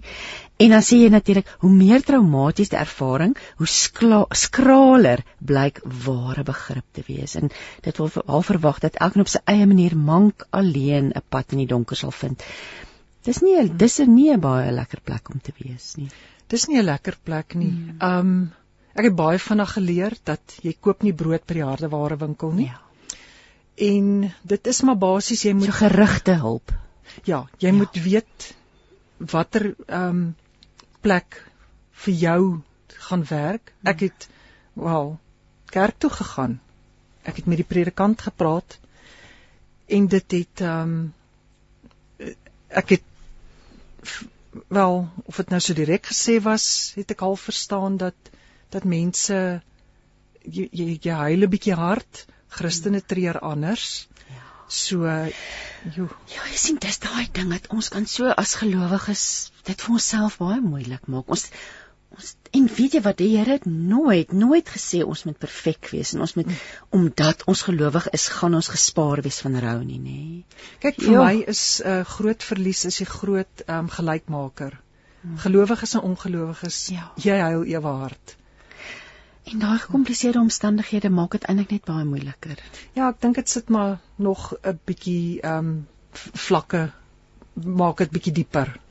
Ehm um, want jy moet die dood verwerk, maar jy moet ook die die trauma verwerk wat jy daarmee saam beleef het. Ja. En toe ek ek het dit ehm um, ek het my kind se liggaam gekry. So ehm um, toe ek na tyd kon ek die twee gebeure skei. Hm. Ek kon besef my kind is dood en dit is 'n traumatiese ervaring maar ook die feit dat ek hom gekry het ja. dit het 'n ander trauma veroorsaak so ek, ek kon met albei daardie traumas moes ek apart deel en ek kon dit doen. En ek dink dit dit het wel in my kop dit het gehelp. Ja Maar soveel so dat jy die boek geskryf het en dat die, die Alliance of Hope. Ek wil nou vir jou byvoorbeeld eh, dit fascineer my. Jy sê jy toevallig toe ons nou gesels het so in die breek, het jy gesê jy toevallig daarop afgekom en jy was op skets anders geweest en dit het jou huis geword. Dit is my huis daai.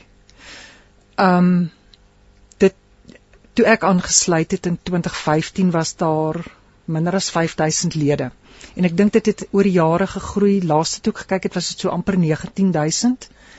Uh daar's altyd iemand aan diens. Dit word goed gemodereer en is reg oor die wêreld. So die ja. tydsones help ook. Daar's altyd iemand wakker. Daar's altyd iemand wakker en of iemand wat nie kan slaap nie. Um so en dit word goed gemodereer. Ons kyk dat mense nie mekaar aanval of slegte taal gebruik. Wat is die tipe wat is die tipe vrae of die, wat is die tipe kommunikasie wat kom van van die lede? Wat wat is mense se behoeftes wat uitgespreek word wat jy nou al gesien het op hierdie webwerf? Ek dink nommer 1 behoefte is kan ek dit oorleef? Ja, ja. Ehm um, daai word jy antwoord amper elke dag so 'n vraag. Mense wat wat aansluit en hulle het absoluut geen hoop nie want jy voel so sleg jy kan nie tot in die volgende 5 minute sien nie. Jy jy kan nie dink dat jy gaan oor 'n jaar nog leef nie.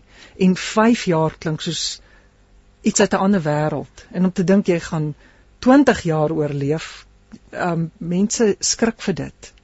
So ehm um, ons leer ook mense jy jy leef net nou. Moenie bekommer oor môre nie. Jy kom net vandag deur. Werk met wat ook al voor jou deur staan net vir vandag. Huil, sê moet huil, As jy iets snaaks vind op die televisie, as jy mooi program sien, geniet dit. Moenie skuldig voel omdat jy iets geniet terwyl jy eintlik dink jy moet jy moes was eintlik veronderstel om te huil daaroor nie. So jy en dan weer terug. Nou moenie jou jou emosies ehm um, veroordeel nie. Aanvaar elke ding net soos dit kom. Jy gaan môre weer huil, ek beloof.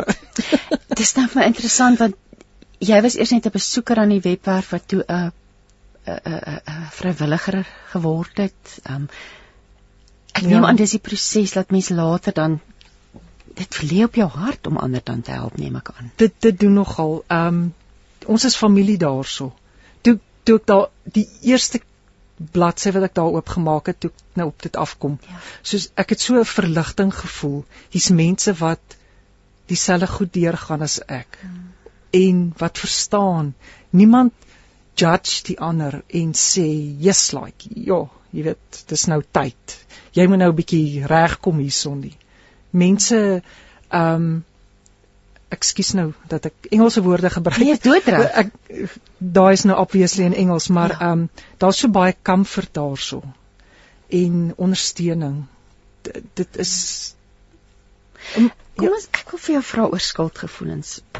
Ek neem aan as as as mense ouer is en jou kind het self doodgepleeg, is daar eintlik 'n 'n waarvraag vol skuldgevoelens wat jy jouself bevraagteken Ek dink dit is dalk 'n natuurlike ding om ehm um, skuldgevoelens op jouself te neem. Jy wonder waar het jy verkeerd gegaan? Jy jy dink natuurlik dit is jy ja. wat jou ehm um, ouerskap leiding was nou rarig so sleg dat jy het hierdie kind tot dood gedryf.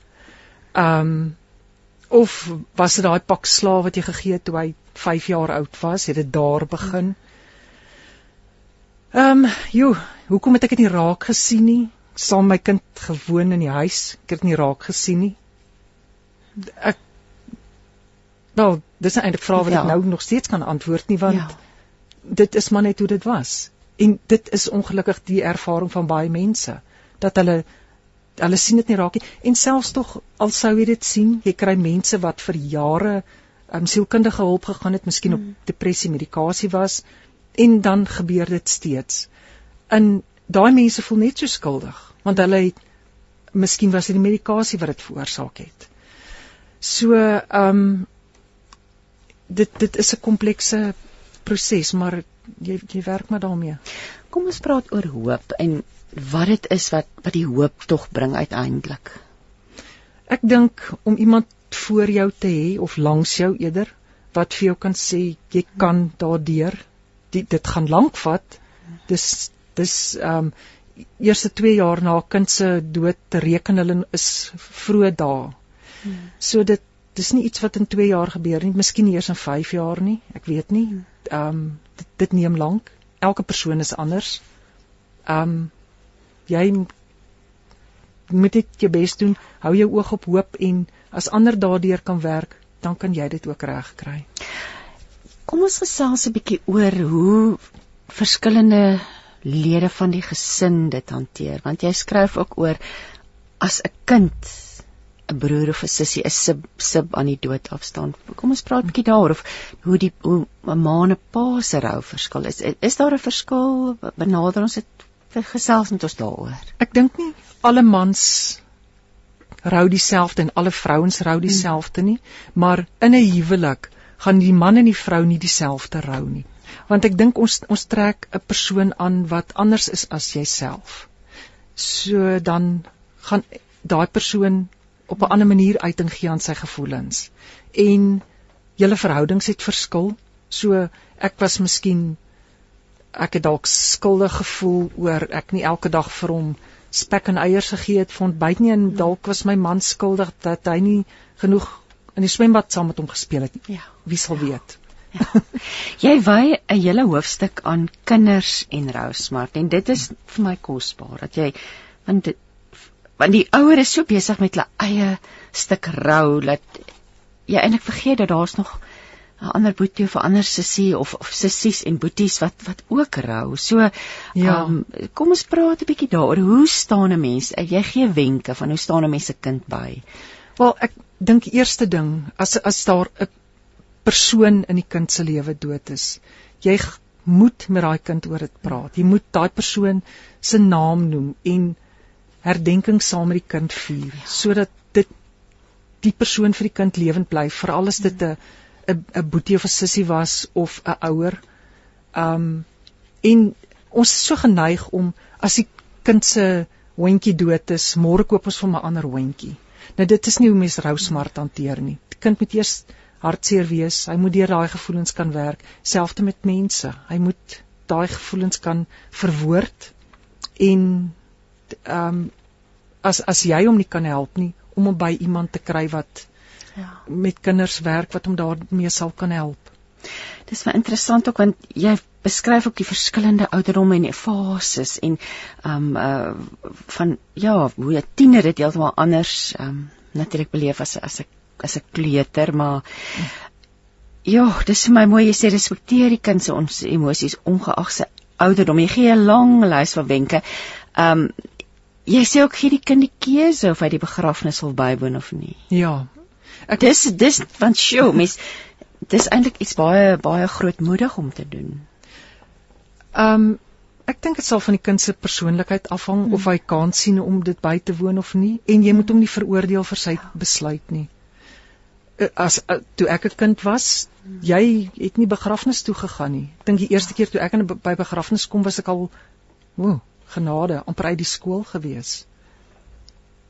Mis, miskien ja, die miskien, dood is eintlik ja, dit dit word eenkant toe geskryf. Dit word eenkant nee, gehou. Dit is nie ja, gehou, dis die woord. Dus, en as jy net daarin blootgestel is nie dan ja.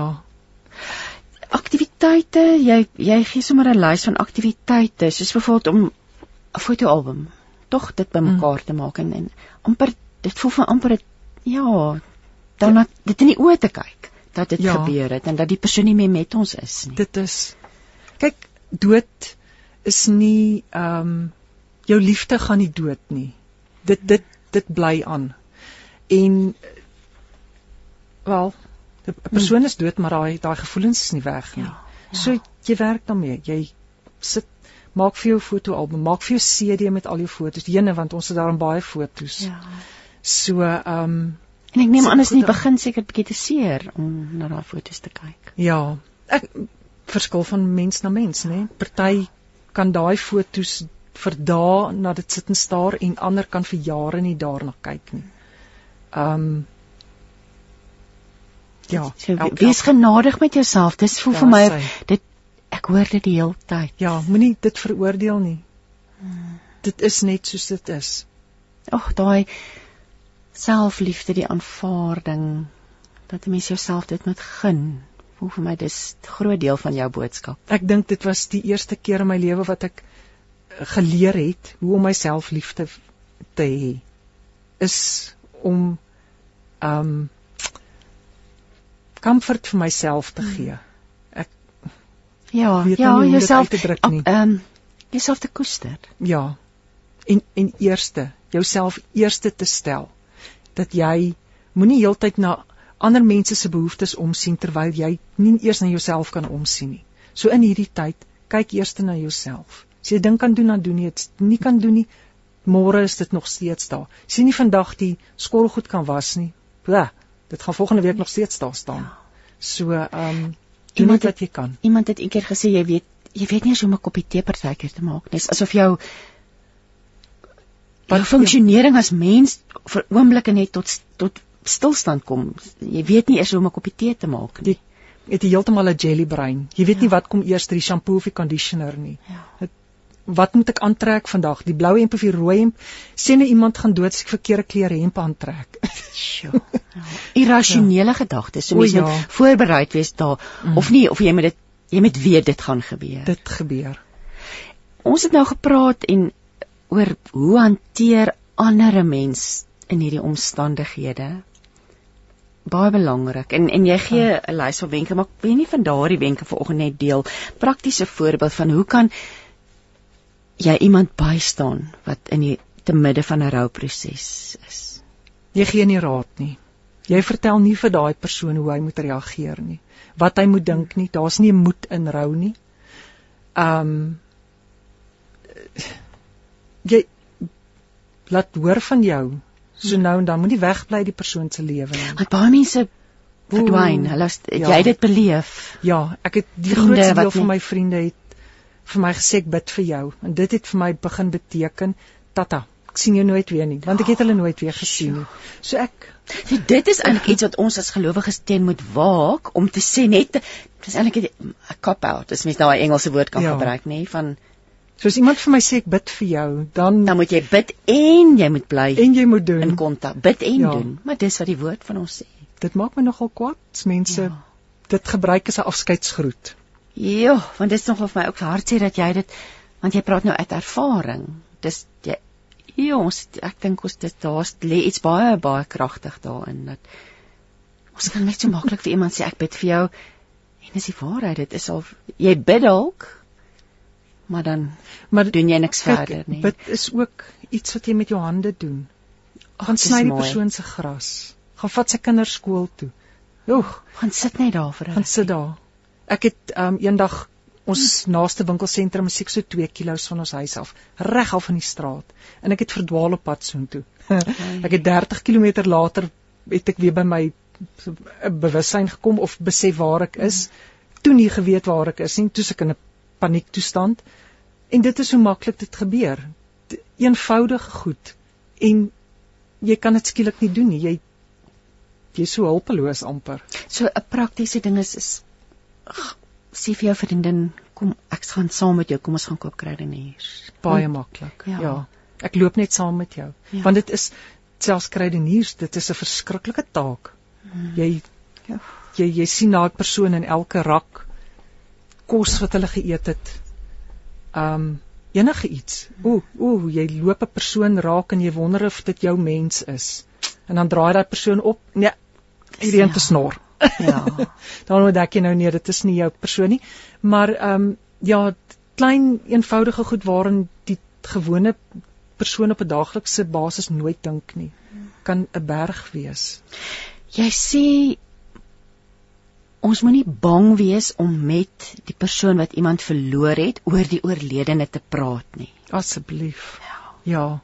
Want as jy heeltyd um, wegskram en of jy o, jene mense kan so ongemaklik lyk. Jy jy jy voel dit amper met 'n stok aan. Um dan beteken dit ook kan nie oor my persoon praat nie. Niemand wil daarvan weet nie. Hy's dood, so hy's nou weg. Ja. Ja. Hy's hy buite sig. Ons nou vergeet van dit. En ek dink dis miskien hoe die vorige geslagte dit dalk gehanteer het. Ja, dis interessant. Jy sê ook dis ook nie nou die tyd of die plek om jou griewe rondom die oorlewende te lig nie. So, het jy dit beleef dat mense of is dit iets wat mense doen as hulle omdat weet, ag maar ja, ver- ver- ver- verduidelik hierdie ene vir my. Miskien is dit iets wat jy dalk sal raakloop as jy 'n eggenoot verloor. Ja. Ehm um, dit het nogal bietjie ander uitdagings het ek agtergekom. Ehm um, mense wat 'n 'n 'n maat verloor het, word maklik geblameer vir die persoon se dood. Ja. Um, miskien is men is die samelewing bietjie meer genadig wanneer jou kind dood is. Hanteer jou bietjie sagter. Ja. Ek hoop. Maar jy dis vir my so 'n lekker praktiese bied hulp aan om rekeninge te betaal. Mm. En daai daai administrasie is seker iets ek bedoel dis oorweldigend in so 'n Ja. periode. en en die testament wat moet afgehandel word, jy moet pakke en pakke bladsye go- goed onderteken. Jy kan nie eens reguit dink nie. Kan nie eers onthou wat jy vanoggend geëet het nie. So nou moet jy belangrike dokumente moet jy deurwerk. En dis moeilik. En wat belastingvorms. Wow. Veral en ek bedoel dis in die meeste gevalle 'n egpaar wat die en albei beleef dieselfde emosie. So bied jou hulp aan. Mm. Bied jou hulp aan en jy sê help die persoon om net by die dokter of by 'n haarkapper uit te kom. Um, Ja. Selfs dit kan moeilik wees. Een ek wil eintlik sê enige iets is moeilik as jy in rou smart is. ja. Jy sê ook byvoorbeeld um praat minder en luister meer. Jy het weer eens oor die raad dat ons moet nie dink ons het die antwoorde vir daai persoon wat deur die verlies gaan nie, nê. Nee. ehm um, my my petheid is iemand wat nog nooit so verlies gehad het nie en dan kom hulle met raad en dan vertel hulle vir jou jy moet is nou 3 maande jy jy beter nou begin ry jou regruk. So ehm um, nee b- kies die mense na wie jy luister met sorg en daai's wat nou sulke twak praat Ja. help hulle uit jou lewe uit regtig daar's 'n paar stellings wat jy sê asseblief dink voor jy praat. Daar's sekere dinge wat jy liefs nie vir 'n bedroefde persoon moet sê nie. Um, soos byvoorbeeld, hy's 'n paar goeters. Hou op huil. Jy maak dit net erger. O, jene. Jy ja. moet eintlik huil want ja. trane is um, sal vir jou siel, vir jou seer hart. Nou 'n belangrike ene vir ons as gelowiges ehm um, Ja, glo en bid alles sal regkom. Alles sal mm -hmm. maar daar's ja, wat jou belewenis rondom dit en en um, raad vir mense wat dalk luister en voel dis wat mense my sê ek moet doen, maar ek kry dit nie reg nie. Kyk as jy nou daar op jou rusbank gaan sit met miskien met 'n koppie koffie in die hand en nou wag jy dat die Here jou jou mm. seer gaan genees, ja. gaan jy lank sit. Mm. Want ehm um, die Here doen nie jou werk vir jou hier op aarde nie en ek glo jou werk hier is om te leer en te groei. Ja. En jy kan nie dit doen as jy niks doen nie. Dis waarom ek sê rousmart is werk. Dis 'n werkwoord. Ja. Dis baie mooi. Jy sê ook daar is sekere goed wat die bedroefde persoon sal verwelkom om te hoor.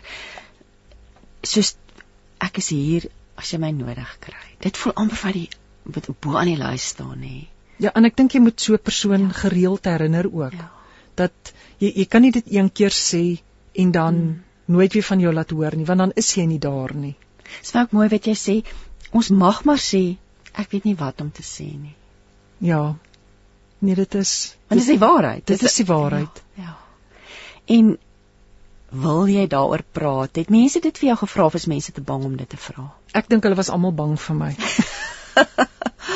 Maar um, vir die eerste paar maande kon ek nie daaroor praat nie. Ek het intedeel deur 'n tydperk gegaan wat ek ek weet nie 2 maande dink ek wat ek glad nie gepraat het nie.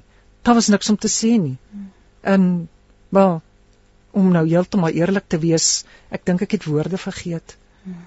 Dis alles was daai ding. Geef my daai ding, maar ek weet nie wat dit is nie. So, ehm um, party mense praat onophoudelik. Hmm. Joe, jy kan hulle amper nie stil kry nie. Hmm. Maar ander praat ja. nie daaroor nie. Maar dit moet op 'n tyd moet dit gebeur. Dit is ook baie mooi. Jy sê iets wat die treurende nodig het is iemand wat sê, "Hoe voel jy vandag?" Ja. Weereens ons is bang om gekonfronteer te word met ander mense se emosies. Ek is eintlik bly jy herinner my aan daai een, ja. want mens sal maklik sê, "Hoe gaan dit met jou?" Nou Ek meen as iemand vir my dit gevra het, ja. is dit nie obvious dit gaan baie sleg nie, ja. nê? Nee?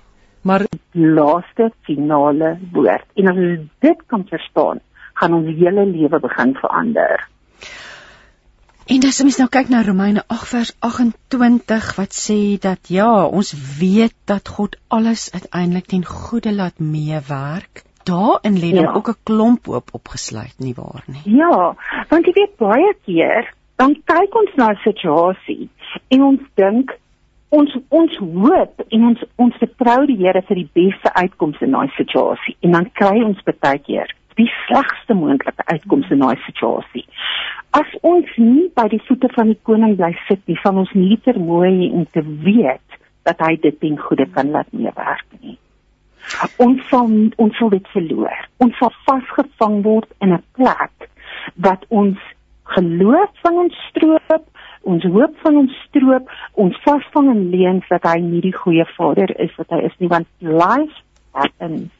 Maar ons ons plek is om te weet dat ten spyte van dit bly hy 'n goeie Vader wat net die beste vir ons wil hê en wat die slegste denkbare situasie.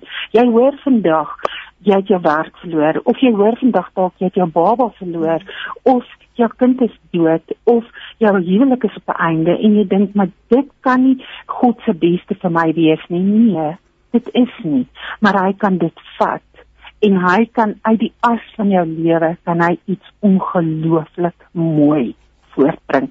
Restaurasie, herstel, genesing, dit wat jy jou nooit kon indink nie. Hmm. En dit is jou hoop Hy is my goeie Vader. Hy is die koning by wie se voete ek gaan sit want ek behoort aan hom en ek wil hê my hart moet versmelt met syne sodat ek sy liefde die hele tyd sal ervaar. Amanda, jy jy jy verwys ook na die belofte in 1 Korintiërs 2 vers 9 wat sê wat die oog nie gesien en die oor nie gehoor ja. het nie en wat in die hart van 'n mens nie opgekom het nie, dit het God gereed gemaak vir die wat hom liefhet. Ek ja. so mooi jy sê en dit is waarmee God in ons lewe besig is en dit's eintlik onsigbare ja. hoop, dinge wat ons nog nooit gesien het nie, waarvan ons nog nooit ja. gehoor het nie, waarvan ons nie eers stilletjies ja in ons hart gedroom het nie.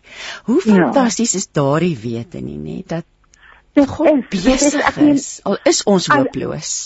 Ja, en maar as jy gaan kyk na die woord, dan sien jy sy liefde soos 'n goue draad daardeur gespan en hoe hy alles vir ons elke ding vir ons daar op mik om te sê luister ek is vir jou ek is nie teen jou ja. nie ek is aan jou kant ek wil jou help ek wil jou opstel vir sukses my kind.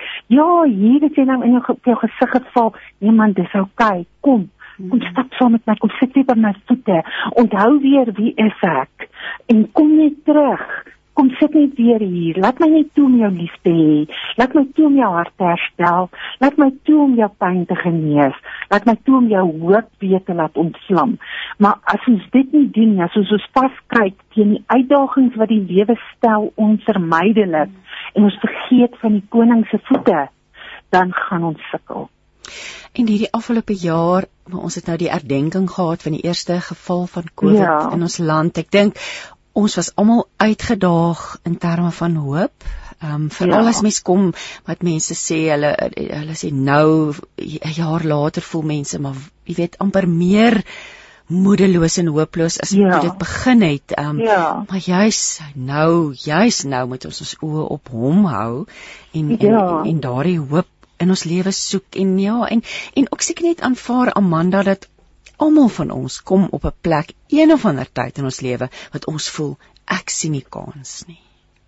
Ja, en ek dink jy weet dis okay om by daai plek te kom. Wat nie okay is nie, is om by daai plek te bly. ja.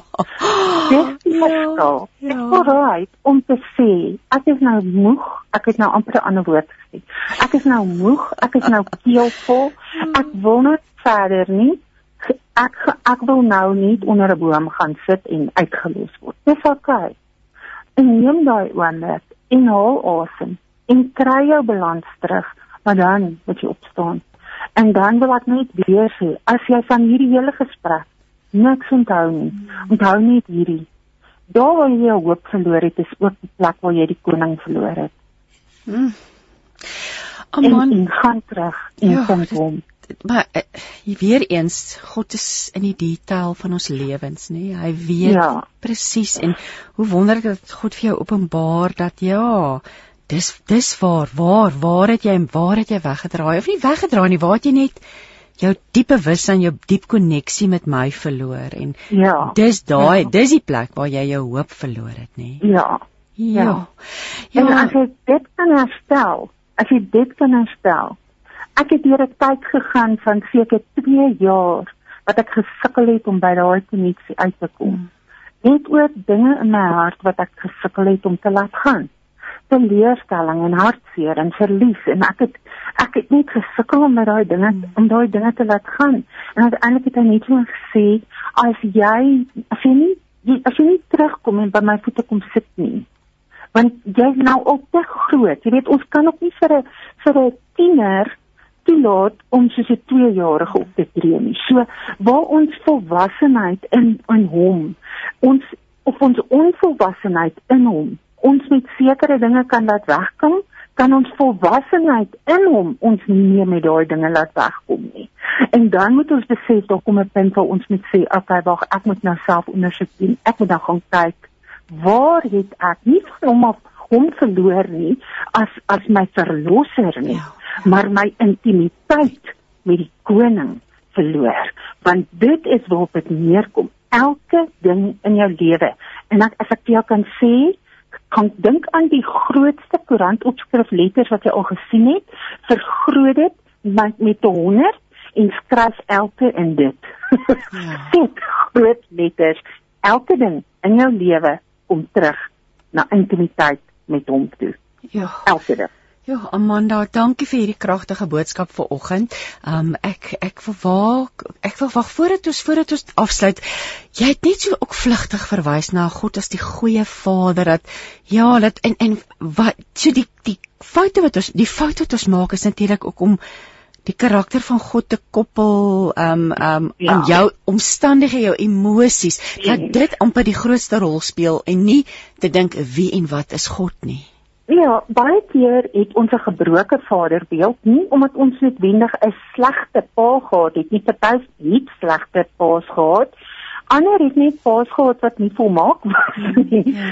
Jy weet, en ons kan baie keer iets sien in ons aardse Vader wat ons projekteer op ons hemelse Vader. En dis deel van die leuns wat ons ongedaan moet maak.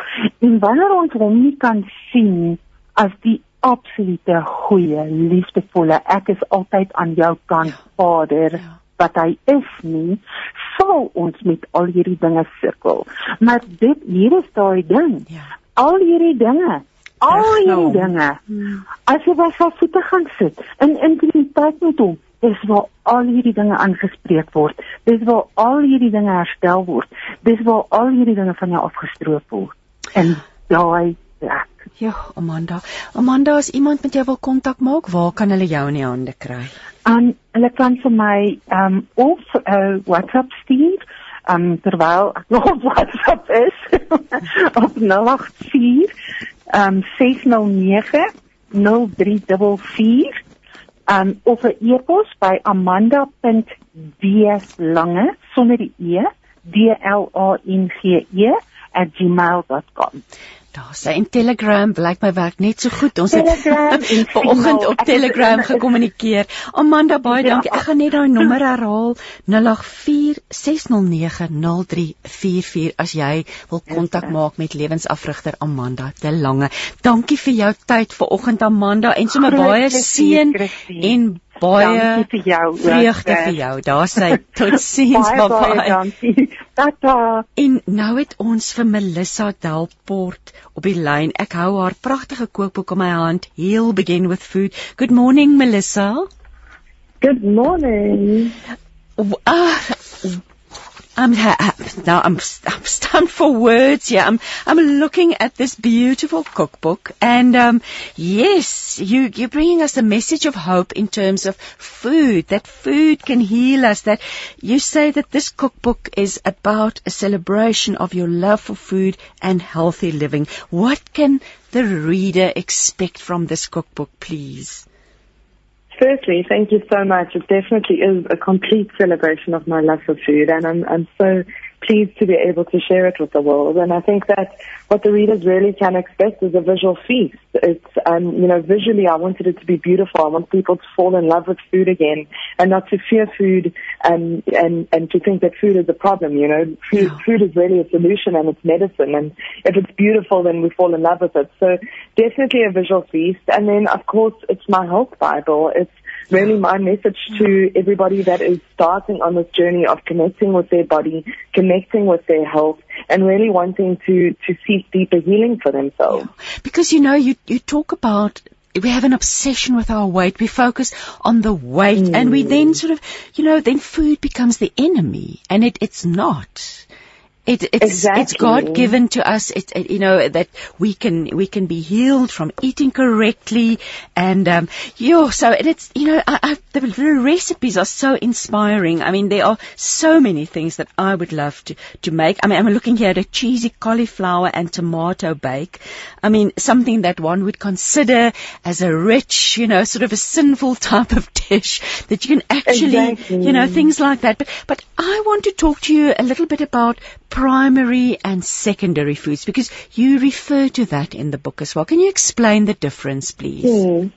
So I work as a holistic health coach and obviously as a chef, a cookbook author. And as a health coach, I work with my clients on a six month coaching program, helping them achieve their deeper health goals. And I do this through looking at your life through two lenses your primary food and your secondary food. Now, your primary food is your career, your relationship, your spirituality, exercise, and areas within that. And your secondary food is that which you put in your mouth. And you see, if you can keep your primary foods in balance, if you do the work Yeah. to keep your primary foods in balance, then food becomes just that. It becomes secondary. You see, we've got this toxic diet culture and this constant push to be thin. We forget about being healthy and being in balance. And if we are and we find balance in our lives, then we will find balance with our food. And then food, like you said earlier, food becomes the solution, not the problem. Food's not the thing we need to control. Mm. It's rather the thing we need to love so that it can love us back. I saw an advertisement in an, in, in a in a, a Dutch magazine this actually this earlier this week where they've said it's a campaign against fad diets. How interesting Yes. that you know that it was at the beginning of the year. We're already now in March. That people, you know, they it's they they. It's, there's no quick solutions. It's a healthy life. I love what you're saying. You actually walk, you know, you sort of have a journey, a six month journey with somebody to actually discover the balance, to, to re-embrace actually that connection that you have exactly. with food. And to hold you, hold their hands and, and to show you, you know, we've heard for the longest time, you know, uh, uh, that healthy is a lifestyle, but how do we achieve, Achieve it, yes. And you know, everybody sends you home with a diet book and then you do the diet, it lasts for Mm. a couple of weeks. You fear the carbs, you fear the food, you don't eat it, you lose the weight, you put it back on again, you feel like a failure, and we stay in that quite a negative feedback Mm. loop. And the way that I work is to switch that and to change it to a positive feedback loop and to hold somebody's hand and teach you how do we make healthy a lifestyle. Melissa, in the book, you, there's a statement that you make. You say food is not the problem, stress is. What do you mean by this?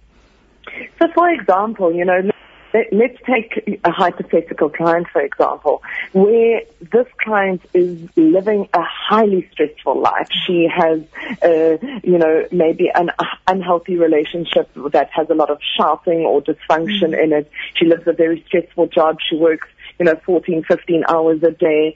She, you know, isn't sleeping a lot. She's, you know, under the pump. Our bodies take this on and manif- uh, and how that manifests is into cortisol, which is our fight or flight hormone. Now, when we are in our fight or flight in our nervous system, we're not in our rest and digest nervous system. And when we are in our fight or flight, the body shuts down. The body doesn't assimilate nutrients. The body holds onto weight. The body is in such a stress state that whether I gave you kale or a burger, It would- not to villainize a burger, it's not going to solve the Yeah. problem. do, you, do you see? We turn Yes. to food and think food is the only solution, and yet food is actually, you know, uh, I mean, food is the only problem when Yeah. food is actually the solution and can support us to healing, you know, the way that we eat. If we sit and just mindfully take in our food, if we chew our food slowly, if we really, you know, connect with our God-given food, which is exactly mm. what you mentioned earlier. Mm. God-made food, not man-made food, but Yeah. God-made food. When we connect with that, we start to heal the, the body. But of course, we've got to manage the stress. So in many of these situations, we turn to food and we go, this is, you know, I just must cut the carbs and that's going to solve all my life problems. Yes. And I can guarantee you that kale's not going to fix it, you know. That's what I always say to my clients. Kale's not going to fix, fix it. it. We need to, we need to manage the stress. Melissa, I mean, I love uh, the, the, the intro. I mean, there's such a lot of information. Besides the beautiful recipes and the delicious recipes, there's lots of information. And you also address the issue of food sensitivity. It seems to be a growing problem. How does one tackle this? Yes, the food sensitivity really is a growing problem because we've also started to eat the same thing repeatedly within our dietary requirements because we are so fearful. You know, if you look at Like example, tuna salad uh, might go Exactly. to tuna salad for lunch. Yeah. Exactly. We, we go to a go-to tuna salad for lunch because Yeah. toxic diet culture has put us in fear of so many foods that we end up, you know, really narrowing what we're eating. And when we repeat what eats, we can actually cause our own food sensitivities within our body if we just eat the same thing all the time. Or it could be something that genetically, you know, uh, peanut allergies uh, that we, we are born with. And in this, my, my encouragement is to really move out the chemicals, move out the processed food, move out the refined foods, and just turn to God-made real whole foods. And in this, you'll start to hear your body communicate with you. And when your body communicates with you, you know, something obvious like heartburn. if you eat something and you get heartburn, yeah. you go, oh, that didn't agree with me. Now, on a deeper level, when you start to sort of clean the slate and listen mm. to the body, you start to tune in to your bio individuality of your body and what would work for your body. So, you know, tackling this, um, you know, again, a health coach highly recommended. I work with this with my clients in the space of my program. But if you wanted to do it yourself, this is why I did the book because I wanted people to be able to empower themselves to become their own healers. Yeah, and, and, and, and you know, power, knowledge is power. If we know. A hundred percent. Yeah. When and, we know better, we do better. Yeah. Food cravings. I mean, what does that tell us about our body? Because I think we all have some sort of craving. Uh, what does it say about your body and what you're eating? So the interesting thing with food cravings, and I'm going to use a very obvious example because I know many will relate to this, is when a woman is on a menstrual cycle and she's she's craving chocolate, and then everybody goes, "Oh, she needs chocolate right here, right now." Now we, we're caught between two things there. One, we beat ourselves up that we're craving the chocolate, which I really want to encourage everybody to move away from that bully in our head that, yeah. that is unkind, that why are you craving the chocolate? You shouldn't be craving the chocolate. Why do you eat so much chocolate? Firstly, your body is naturally craving it, and in that, it's communicating a shortage. Now, when your body's craving something, it's because it's got a shortage. For example, if you're craving chocolate, there's a very good chance that you actually crave, your body's actually needing magnesium especially for women around that time of the month, but also for humans in general, when we are, we're craving magnesium. Now, where can we find magnesium? We can find it in our kales, our dark leafy greens, our spinaches, our swiss chards. So when we up our dark leafy greens, we actually give the body the nutrients that the body requires and then we start to manage the cravings. Of course, also real good quality chocolate, yes, not mass produced yes. chocolate. You know, pure cacao has very high magnesium in it. This is why the body craves it. So with, when it comes to cravings, I always encourage, you know, my clients and the people that I work with to really, rather than dismiss your body, ask your body, why are you craving this? Mm-hmm. What's been going on? Are you mm-hmm. stressed? Are you tired? Maybe that's why you're craving the sugar. So the sugar is not the solution. Maybe getting to bed a little bit earlier is the solution, you know, and to really tap into what your body needs because your body is anciently wise. It's it's been yeah. designed to perfection. Absolutely. Let's talk about superfoods because we live in the age of, of uh, we, we, these. We, it's accessible. Uh, healthy foods are accessible. There are wonderful new food stores around every corner in here in Gauteng. I mean, um, yeah. and I'm sure that in, even in the rest of the country, you know. So superfoods, what are they, and how can we incorporate them into our daily diet? So superfoods are powerful, nutritious, mineral-rich foods. You get everything from bee pollen to maca to reishi to lion's mane. All of these superfoods offer a unique healing property and well-rounded nutritious support to the body. So those are the dried powdered superfoods. You then, of course, get real food superfoods as well that are your berries, your spinaches, your dark leafy greens. Salmon is considered a, a, a superfood. Of course, we're looking for, for organic, sustainably sourced salmon. This is, you know, the difference when we are choosing to eat plant protein is, is where does the, the, the protein come from. But with these superfoods, they're really offering your body well-rounded nutritional value that can empower the body to really um, run on good petrol, run on good fuel, you know, because essentially that's what food is. If we take this huge emotional attachment out of it, it's really petrol for the body. And when we put in good fuel, we get good energy. When we put in, you know, if you put diesel into an unleaded petrol yeah. tank, you're going to have a problem. You were talking about the kale, but isn't kale also one of the, I love kale. I must be say I love it. But isn't yeah. that also one of our absolute superfoods that we can hundred percent. Yeah. A hundred percent. And a lot of people feel very intimidated by kale because it's a, it's a cruciferous green. It's a very tough dark leafy green that we're like, uh, you know, it's quite an intimidating green if you saw it at the store. It's not like spinach that most yeah. of us grew up with. Yeah. So when it comes to kale, I would just encourage you, you know, uh, and the listeners, out, you, yourself and the listeners out there to really give it a go. Uh, if you're putting it into a salad, you massage it with your fingers. It breaks down the fiber, makes it easier to digest. You can roast it, you can saute it, um, in a in a in a pan, and when we cook it, it actually it can agree more with most digestive systems because it is a cruciferous green. I was going to ask you about the massaging of the kale because a friend told me you actually massage it and soften it a little bit. Um, Yes. and, and, and, and, oh, what should we, uh, just a few, so berries, salmon, kale, um, you mentioned bee pollen, but those are, like you said, it's supplements that, that one can, or powdered Yes. sort of. What should we be avoiding? I mean, I know that's sort of the dreaded So question. this is yeah, Yeah. this is the dreaded question. So for all the listeners out there, my number one tip is stop focusing on what you can't eat. You've spent your whole life doing that. It hasn't worked. And to repeat what doesn't work, work makes Yeah. absolutely no sense. Start focusing on what you can eat. Because there's an abundance of what you can eat. And when it comes to what we, you know, we can eat, we can eat all the vegetables and the fruit that God made. Stop the concern over a banana's got sugar, uh, uh, you know, like this, this nonsense because it's, it's high in fiber, it's high in potassium, it's perfectly made and designed to be absorbed and assimilated nutritionally by the body. So focusing on what we can eat, all the fresh fruits, all the fresh vegetables, all our ancient grains and all our uh, uh, brown grains like our brown rice, red rice, wild rice. Then of course we've got our healthy fats, our avocados, our almonds. These are all olive oils, you know, cold pressed virgin olive oils. These are all the foods we can eat.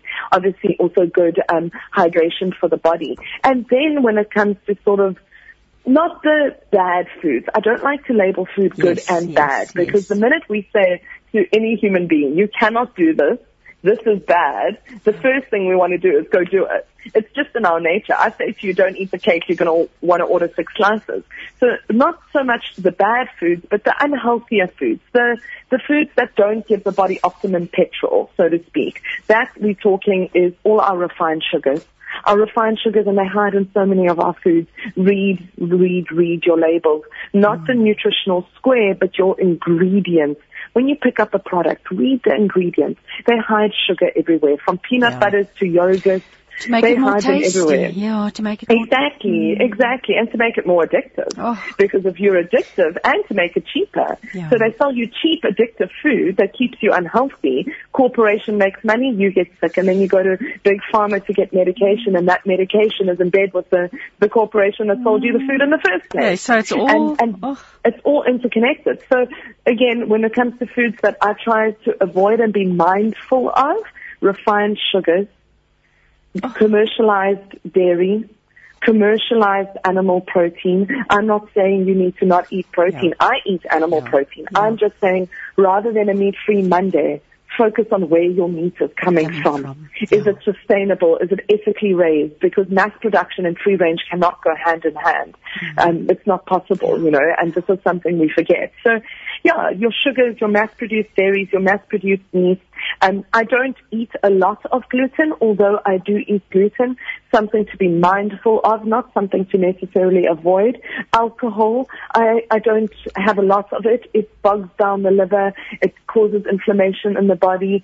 Um, and then of course, also caffeine. It's something that we, we have so regularly in our diet. It suppresses our appetite, which sends our blood sugar reeling. It fires on our uh, uh, uh, adrenal glands, which causes, you know, uh, cortisol spikes, which causes the body to hold on to weight. So these are the things I'm more mindful of and, and, and don't have a lot of. But rather than focusing on what you can't have, focus on what you can. Because when you eat more of what you can, you just don't have space for, for the unhealthier food. If you've had a beautiful, nourishing meal and you're full, you're not going to go out and, and get yourself a processed, refined uh, cake or burger or whatever it is that would be unhealthy. I mean, I'm looking here at the most amazing recipes. There's roast potato with turmeric, and there's oh, there's just wonderful turmeric and roasted red pepper, golden Mm. Powerful potato, all sorts of. Oh, so Melissa, where? So the book is published by Penguin Random House South Africa. So it's available, I would presume, in most of our leading bookstores across the country. It is uh, available in most of our leading bookstores across the country. You can buy it online with Take a Lot. You can buy it online with the Loot. Um, Woolworths will be stocking the book. Exclusive Books has the book. Reader's Warehouse has the book. Bargain Books. And they also are stocking my first book, Whole Bowl Food for Balance, which is the start of this journey because the two are, they go hand in hand. Whole Bowl Food for Balance was started to move away from toxic diet culture. Heal, begin with food, is to deepen your healing and to really become your own self healer. So you'll be able to find these books across across all um, major bookstores in South Africa. And of course, if anybody's got any questions or if they want to find me, you can find me on Instagram at Melissa one L double S double underscore Delport. Um, you can find me on my website, melissa-delport.com. You can find out more about my health coaching program. And really, my biggest aim is just to, to support Mm. our country, especially our country, into a healthier way of being. And it's inspirational, Melissa. I love what you say uh, on the back. It says, healing your relationship with food is the first step to connecting to your health and heal. The book that we, I've got in my hand here will transform the way you look at food as a means to bring healing, lasting change and vitality into your life. And I think that's what we're all 100%. striving for. I've got three Exactly. minutes to say goodbye to the listeners. Melissa, The last thing, the last thing on that I have to squeeze in is, Yes. and that's the difference between growing old and not getting old. Yeah. And we all want to be here for the memories that will be formed with our families and with our children. Oh. And that comes down to the petrol and the quality of the food that we put into our mouths and the life that we lead. Oh, Melissa, congratulations on a beautiful book. And yes, let's hope it's a journey to, to change the way that people look at food and, and just, Thank yeah, you, thank, thank you you. so much for your time this morning and I wish Thank you, for all the me. best. I hope. absolute treat. And I think we should speak again at some point, but I will be in touch with you. So, uh, um, die boek wat ek oor gepraat het, is dan Heal, Begin with Food deur Melissa Delport. Melissa is 'n health coach, 'n gesondheids um, afrigter. Liewe luisteraar, ek wil koop- ag kobai sê. Ek wil tot sien sê. Ek moet groet. Ek wil dankie sê vir Woesie Leo vir die tegniese versorging. Um ek herinner jou net weer aan ons skrif vir Romeine 15 vers 13. Ek bid dat God en wie julle al julle hoop stel, elke deeltjie van julle geloofslewe sal volmaak met blydskap en vreugde. En dan sal julle deur die groot krag van die Heilige Gees in julle lewens altyd oorvloedige hoop hê.